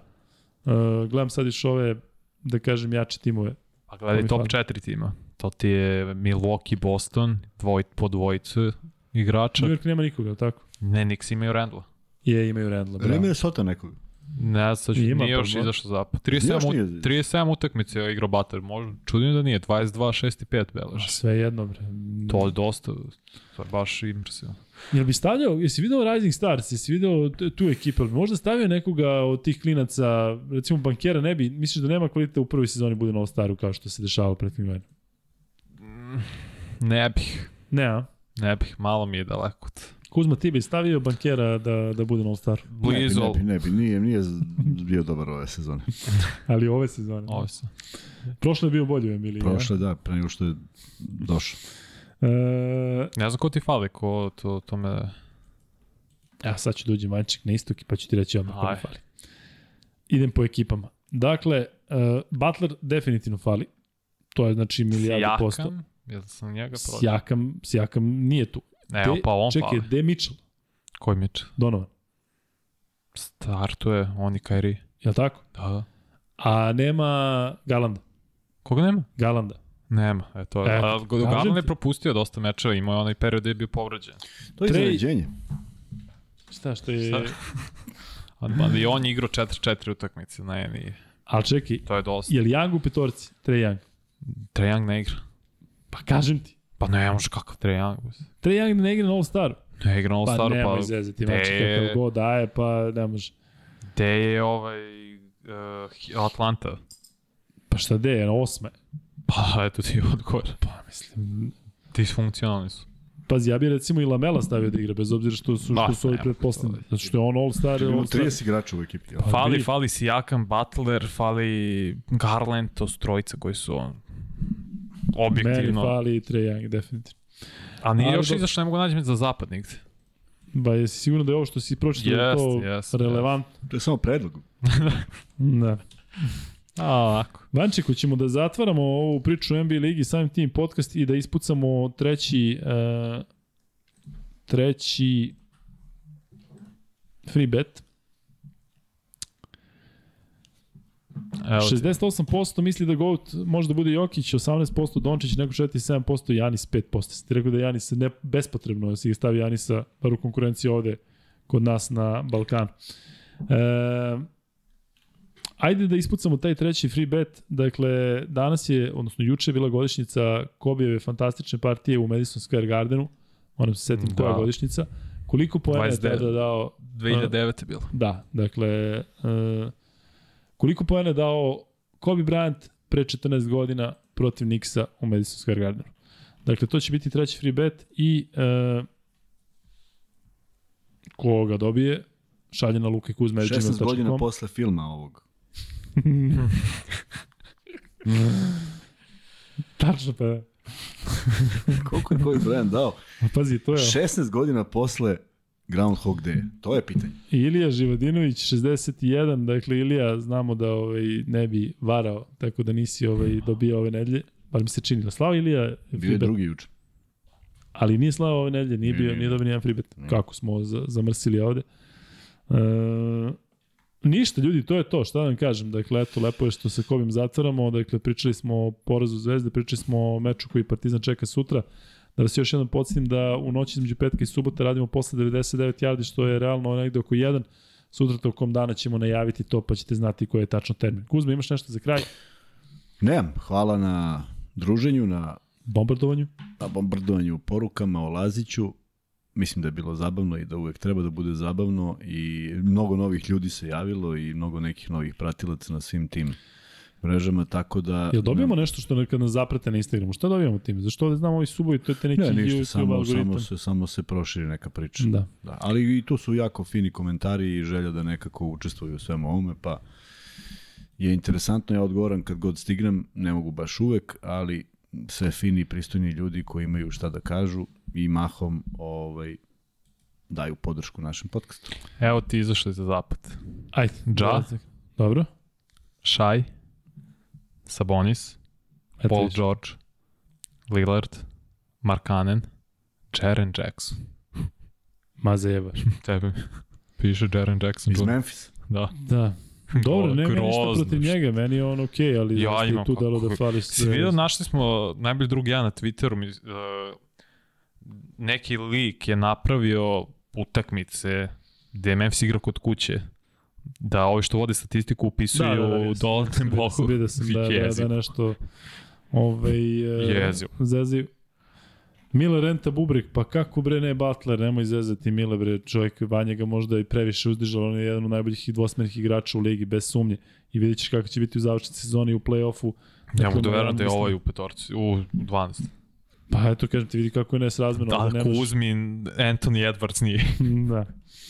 Nije ni Kuzma, ni Kyle Kuzma nije, ovaj, verovatno zbog onih njegovih stylinga. E, Strašno. ali dobro, dakle, e, to je to za ovaj 131. podcast, četvrti ove nedelje. Hvala vam puno što ste učestvovali u tome da dođemo svi zajedno do 16.000 e, subscribera, tako da... Da, to sam teo pogledam da vidim koliko ima sada. 16.034. Da, ne, 16.000, 32. pa reci 34, sad kada u, da 32, ispravno da sam neću. pogodio. 32, ja sam pogodio. Ostavljamo 2200 ljudi u live-u u pola dva noću, zaista fenomenalno, ali vidimo se jako brzo u 132 za tačno 24 sata. Ćao.